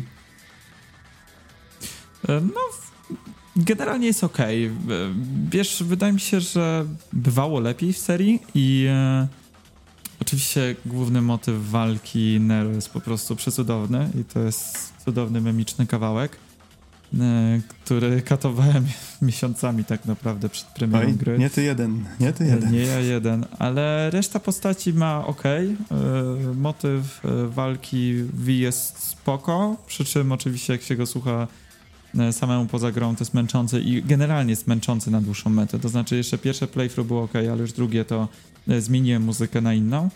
E, motyw do tego generalnie mi się średnio podoba. No, były lepsze serii i, no, i trochę brakuje mi e, tego e, takiego, za przeproszeniem, darcia mordy z poprzednich części w wykonaniu Tetsuya Shibata, o ile dobrze pamiętam, tak się chyba nazywał ten kompozytor. Generalnie jest dobrze, ale, ale mogło być lepiej i, i żałuję, że w pewnych miejscach nie, nie wykorzystali trochę innych kawałków. Tutaj nie wchodząc w spoilery, ale też było właśnie kilka takich fajnych miejsc, gdzie można było użyć coś innego, ale generalnie jest dobrze, generalnie, generalnie jest bardzo dobrze, szczególnie muzyka e, w walkach z bossami jest naprawdę bardzo dobra. Z drugiej strony ta ambientowa, taka, te ambientowe e, kawałki, które gdzieś tam sobie w tle przygrywają, też są naprawdę dobre, więc ogólnie jest bardzo dobrze uważam, ale, ale było kilka miejsc, które mnie raziły. Mhm. A Easy, chcesz coś dodać? Chyba nie mam nic więcej do dodania tak naprawdę. Jedyna no, rzecz, która... Jest jak jest. Aha, okej. Okay. Jedyna rzecz, która mnie y, trochę męczy, to to, że żeśmy tak zjechali ten, y, ten level art, ale muszę przyznać, że są miejsca w tej grze, które faktycznie mi się podobały. Tak, tak na zasadzie, że i, i design, i właśnie z tym e, physically based renderingiem tak akurat pasowało to wszystko. tak, tak. Tak, tak, na, na, zasadzie jest mm -hmm. miejsce tak delikatny, leciuteńki spoilerek, jest, jest takie miejsce, gdzie krew jest pompowana przez ściany i to wygląda po prostu tak... Mm, tak z jednej strony niepokojąco, a z drugiej mm. tak wdechę. Mi bardzo w pamięć zapadła e, biblioteka, w o, której też. możemy niszczyć, e, niszczyć mm, e, półki z książkami i właśnie, właśnie za mało kar... było takich miejsc według mnie. Tak, tak, właśnie czegoś takiego, bo to dosyć proste miejsca, ale przez to jak tam wpadało takie dosyć ciepłe światło, było dużo God Rays, czyli tych mm, promieni słonecznych, takich dobrze e, widocznych. W ogóle tam e, taki... mocno wykorzystane oświetlenie wolumetryczne. Dokładnie tak. Tam zresztą jak się idzie przed albo po, jest jedna walka z bossem właśnie też, gdzie się idzie e, po takim długim korytarzu, po jednej stronie są okna i właśnie też jest rewelacyjne światło i w ogóle widać taki kurz, takie ciężkie powietrze, więc nie no, e, generalnie jest dużo miejscówek, które są naprawdę spot on. To są naprawdę rewelacyjne. Tak więc ja tutaj nie chcę, żeby to zabrzmiało, że ten kierunek artystyczny jest beznadziejny czy coś. On jest naprawdę bardzo dobry tam, gdzie jest bardzo dobry. Ale niestety jest zbyt dużo miejsc, w których jest bardzo powtarzalne. I, i, I to mnie bolało. Tak, tak. Szaroburo? W których miejscach Szaroburo? No właściwie te, te ruiny miasta na przykład Właściwie Ale to akurat tam, się takich... grało, tam się mm -hmm. grało w V akurat, e, tak kojarzę te Może doki i tak dalej. Postaci, nie? I według mnie akurat to fajny klimat budowało, szczególnie, że no, jak się grało Nero, to było dużo więcej na przykład świateł, jakichś neonów, e, jakichś ogromnych telebimów, do okay. tego Mo Może masz rację, widoczna... że to było pod postać mm -hmm. tak kierowane. Właśnie mam wrażenie, tak. że każda postać ma też troszeczkę pod siebie dopasowaną stylistykę i kolorystykę miejsc. Mam wrażenie, że te lokacje, w których się gra Waj są dużo takie sza bardziej szare v. albo ponure. V. E, no nie, nie, nie przedstawia się, no niestety. E, Nero mam wrażenie, że ma za to dużo miejscówek, w których jest bardzo kolorowo, gdzie właśnie jest też e, jakaś woda, e, po, wiesz, po jakiś tam, nie wiem, po jakimś deszczu i tak dalej, na, e, na powierzchni się bardzo ładnie odbijają w tym światła jakieś i, i wszystko wygląda bardzo fajnie, więc wydaje mi się, że ten kierunek artystyczny też jest trochę dopasowany pod postać, więc tak jak mówię, no tam, gdzie, gdzie rzeczywiście było widać, że e, włożyli w to dużo pracy i gdzie była ta różnorodność, no to wygląda to naprawdę super. Bardzo fajnie też metro wygląda, to na co, na co narzekałem e, przy pierwszym przejściu, bo mi się wydawało trochę zbyt nudne, tak jak pokręciłem się za drugim, trzecim razem trochę więcej tak stwierdzam, że ta lokacja z metra na przykład też jest super i, i bardzo fajnie wygląda. Jest taka dosyć różnorodna. Więc nie, generalnie uważam, że jest, jest, jest bardzo dobrze w wielu miejscach, tylko niestety jest zbyt wiele powtarzalnych miejsc, no i tyle.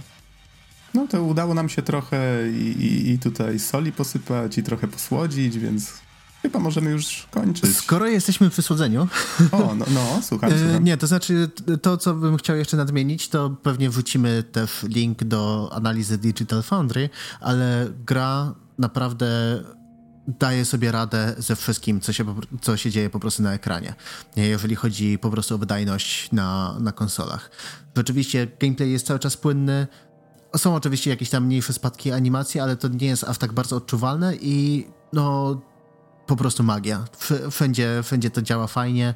E, jedyne, co słyszałem, to akurat od znajomych, którzy grali na PC i coś tam bardziej się interesowali, e, to niestety DRM wykorzystany w, przy zabezpieczeniu właśnie Devil May Cry'a powodował... Y, chyba Denuvo albo coś pochodnego. Y, powodował y, no po prostu ograniczenie liczby klatek i to tak o 30% nawet Ugh. miejscami. Więc rzeczywiście tam znajomi odpalili i mieli około 50 klatek nie, na kompie, wyłączyli i nagle 80 parę. Mm-hmm. No Więc... słyszałem, że ogólnie port jest dobry, tylko właśnie DRM chyba tutaj tak, powoduje tak, problemy, bo słyszałem, że nawet, mm-hmm, nawet na kilkuletnim sprzęcie podobno działa nieźle. No tak przynajmniej mm-hmm. od znajomego słyszałem, który gra. No ja tam akurat za dużo PC-ciarzy nie mam w, w otoczeniu, ale ale e, inna sprawa, na konsolach też działa bardzo dobrze. Jedynym chyba wyjątkiem jest y, podstawowy Xbox One, na którym gra podobno no, gubi klatki. Tutaj właśnie tak jak Easy mówił, no analiza Digital Foundry wszystko wam powie, ale na wszystkim od PS4 w górę plus Xbox One X gra wygląda przecudownie. No, wygraliście. Nie, Easy ty grałeś na PC, Nox na PS4 yy, Pro. Nie, ja tak? na Playu 4 Pro a, też. też na PS4 Pro. Też, też PS4 Pro. No, a ja grałem na Xboxie One X i e, we wszystkich przypadkach, z tego co wiem, jest jakiś checkerboarding albo jakaś tam rekonstrukcja, nie jest to natywne 4K. Tak. Przy czym z tego co wiem, PS4 Pro ma bliżej do 1440p, a Xbox One X ma bliżej do natywnego 4K, przy czym też podobno jest jakaś rekonstrukcja, ale mówię, jeżeli yy. ktoś chce wchodzić w takie detale, to chyba najlepiej to Digital Foundry. Tak, ogólnie tam chodzi o rekonstrukcję, jedyne, jedyne co takich z ważniejszych rzeczy, które wyciągnąć z tej analizy, to jest, to jest to, że gry wyglądają bardzo podobnie, na Playu 4 jest trochę widać aliasingu i yy, tak jakby na Playu 4 Pro gra działa płynniej i mniej klatek gubi, a na Xboxie wygląda trochę lepiej. Na Xboxie One X. Mhm. No, no, tak, to zamieścimy tę analizę pod opisem podcastu. Um, i faktycznie wydaje mi się, że już powinniśmy kończyć, bo rany tak długich recenzji A to gdzie naprawdę... tam, pogadajmy o, jeszcze. Właśnie, rzadko nam się zdarza nagrywać tak długie recenzje, ale jeżeli Skoro macie... chcemy pogadać, to, to, to, nie, dobrze, mam jedno to... pytanie tylko. No okej, okay, to zadaj. Nim zapomnę, co chciałem powiedzieć, bo też coś e, ważnego. Dobra, e, Smurfie, bo ty odpaliłeś na wyższym poziomie trudności, co nie? E, różni się tylko siłą przeciwników, czy też ich ilością i tak jakby ułożeniem? Nie, każda, każda walka jest zupełnie inna. To znaczy okay. potwory, które normalnie się pojawiają w połowie gry, pojawiają się na samym początku, mają o. inne ataki, inne e, paterny. Boże, kochany, wyleciało mi słowo polskie. Szablony? Sz, no, e, kolejność schematy ataków, zachowań. czy schematy, właśnie schematy o, zachowań, mm -hmm. szczególnie wśród bossów jest to mocno widoczne, więc nie, tak jak, tak jak zawsze w serii, nie ma czegoś takiego, że o, dajemy dwa razy więcej zdrowia i coś tam, nie? Chociaż to też jest oczywiście, to wraz ze wzrostem poziomu trudności y, potwory mają więcej zdrowia i silniejsze ataki, ale dodatkowo mają jeszcze inne umiejętności, y, w innych konfiguracjach się pojawiają. No i przyznam szczerze, że E, no tak jak do połowy gry na tym um, Son of Sparda, czyli tym hardzie, e, jak przechodziłem, to miałem prawie same S z jednorazowym A, tak już w drugiej połowie gry, jak zaczęło się trudniej, to już gdzieś tam co chwilę się pojawiały jakieś B, nawet jakieś C, a ostatnie dwie misje to już były D, więc jest trudno, jest mega trudno i naprawdę Y, no tak jak tutaj Nox zauważył, że no ja już tutaj wchodzę w jakieś mechaniki, zmiany y, z wszystkich stylów Dantego i tak dalej, no inaczej się nie da po prostu. Na, na tym y, trzecim poziomie trudności, jak już odblokujemy po przejściu gry, no inaczej się nie da, po prostu trzeba korzystać ze wszystkiego i bardzo mocno obczajać. Jest to mega ciężkie. Mhm. W ostatnich ja dwóch pamiętam... misjach, mhm, jeszcze tylko dodam, że w ostatnich okay. dwóch misjach skrzeszałem się łącznie chyba sześć razy na hardzie. To powiem tak, y, pamiętam jak narzekałeś, jak przechodziłeś grę po raz pierwszy, że, czy może po raz drugi, że właśnie gra jest dla ciebie zdecydowanie za prosta i że ci się to nie podoba. Wydaje mi się, że udało się twórcom znaleźć taki bardzo dobry balans, bo tych mechanik jest na tyle dużo, że ja właściwie cieszyłem się, że mogę się przeklikać przez tę grę, żeby poznać fabułę, żeby sobie spokojnie, tak bez stresu bawić się tymi rzeczami, bo wiem, że gdyby ta gra była choć trochę albo trochę bardziej trudna, to wtedy musiałbym się skupiać na tym, żeby używać tylko tego, co działa, a tak mogłem, a to teraz może użyję tego, ojej, oberwałem kilka razy, no słabo, ale mogę sobie poeksperymentować. Więc wydaje mi się, że to jest jak najbardziej celowe i fajna rzecz, którą tylko trochę może zatizuję, że coś, co surfer mi powiedział, że fajnie ukryto sposób na odblokowanie e, wyższego poziomu trudności bardzo wcześnie w grze. I to, to jest fajny, fajny detal, który myślę też jest taki trochę, takim trochę ukłonem w stronę osób, które chciałyby od razu zacząć od, od wyższych e, wyzwań. No i właśnie z nim zapomnę. Chciałem wspomnieć o tym, że jeżeli jeszcze wam mało na temat Devil May Cry 5, to jestem pewien, że nagramy jakąś, jakieś rozwinięcie tego naszego odcinka specjalnego na temat całej serii, bo jednak właśnie ten fanserwis, to, to, to nastawienie na stare postacie i tak dalej w tej części jest na tyle fajny i na tyle dużo daje właśnie do, do, do serii jako takiej, dorzuca łopatą, że myślę, że warto też o tym podyskutować, właśnie skupić się tylko na samej historii, e, no i już sobie właśnie tak spoilersko trochę e, na ten temat też porozmawiać. Ale to jakby w jakimś osobnym odcinku przy innej okazji. Mamy nadzieję, że w niedalekiej przyszłości. Sama gra, przynajmniej na pierwszym przejściu, to jest tak kilka, kilkanaście godzin i to jest chyba ostatnia informacja, o jakiej powinniśmy wspomnieć. Jeżeli o czymś zapomniałem, to panowie, poprawcie mnie. I chyba można dojść do takiego konsensusu, że polecamy, no bo inaczej nie rozmawialibyśmy o tym niecałe półtorej godziny, nie? Chyba. Bang, bang, bang. Bang, bang, bang. No, wypadałoby coś powiedzieć e, na koniec, e, więc e, gdybym miał to oceniać tak jak najbardziej obiektywnie, co się udało, a co się nie udało, to pewnie nie dałbym tej grze 10 na 10 i nie powiedziałbym, że to jest gra idealna. Znaczy, no nie jest to gra idealna ale mm, wiesz jak to, wiecie jak to jest. Czekasz na grę 11 lat, masz jakieś tam wyobrażenia, potem grę nagle pojawia, gra pojawia się na jakichś targach, pokazują super hype'owy trailer i gdzieś tam, mimo tego, że starałem się świadomie zbijać ten swój poziom hype'u, mówiłem sobie, nie rób sobie tego, bo to się źle kończy, to się praktycznie zawsze źle kończy. Jeżeli na grę czekasz tyle lat jeszcze dodatkowo się nakręcasz, nie da się spełnić oczekiwań. I chcąc, nie chcąc, tutaj moje oczekiwania i tak wyszybowały w cholerę. I tak gdzieś tam leciałem dwa dni przed y, kupić grę, żeby, żeby zagrać jak najszybciej i, y, i ją I tak poznać. dwa dni później już miałeś ją skończoną, czy nawet Dokładnie dzień. tak. I, I wiecie co? I najlepsze jest to, że ta gra pod wieloma względami w sumie przebiła moje takie najśmielsze oczekiwania. Jeżeli chodzi o gameplay, to to jest po prostu no najwyższa w swojej klasie. Według mnie przebija wszystko inne, co do tej pory się pojawiło. No ja bardzo lubiłem akurat i DMC 4, bardzo lubiłem e, DMC 3 ze względu na pewne bronie. Bayonetta no, gdzieś tam zawsze niżej trochę u mnie była, ale też dosyć miło wspominam ale po prostu DMC5 dla mnie pod względem rozgrywki to, to miarzy wszystko i takiego fanu i tak dalej. I teraz jeżeli do tego dorzucimy e, świetnie napisane dialogi, fajne interakcje z różnych postaci, przepiękną grafikę, bardzo dobrą muzykę, jak się to wszystko złączy w jedno i ten niesamowite w wiadrach hektolitry fanserwisu, które się na nas wylewają i tych odniesień do poprzednich części, gdzie a, a widziałeś to, a wiesz, że to jest do tego, a coś tam. No nie, no po prostu mistrzostwo świata, więc y, no ja jestem zakochany, tak na dobrą sprawę y, od kilku dni niewiele robię nic innego po pracy niż granie. I, I mówię, no pod wieloma względami przebiło oczekiwania, które wyszybowały kosmos. E, więc no cóż, no ja mogę polecić. E, uważam, że warto mimo wszystko zagrać w poprzednie części, bo to nadal są bardzo fajne gry. Zresztą, tak jak przed analizą mówiliśmy e, z Noxem, no przechodziliśmy poprzednie części jedynka jest bardzo fajnym, takim ciekawym mm, artefaktem, który warto poznać, z dodatkowo z całkiem niezłym gameplayem. Trójka rewelacyjnie się trzyma i gameplayowo, i fabularnie.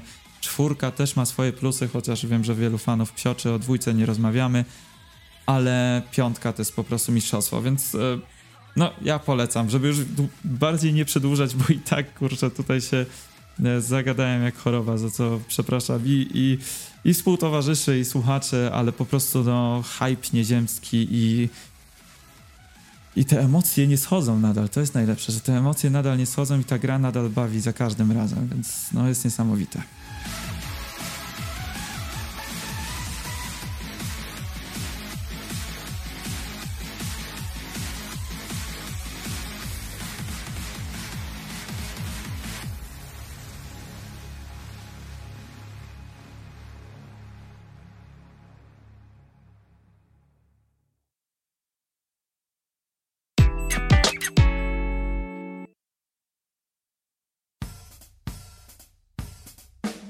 Już wszystko na dzisiaj. Dziękujemy Wam bardzo za uwagę i do usłyszenia w następnym odcinku. Trzymajcie się.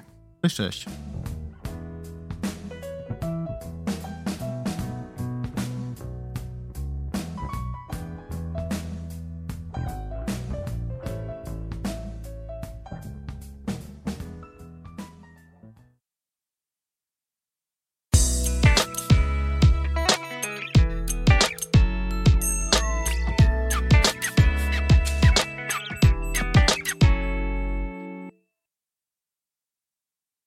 I oczywiście na podcaście nigdy nie widać, że salutuję, kiedy to mówię.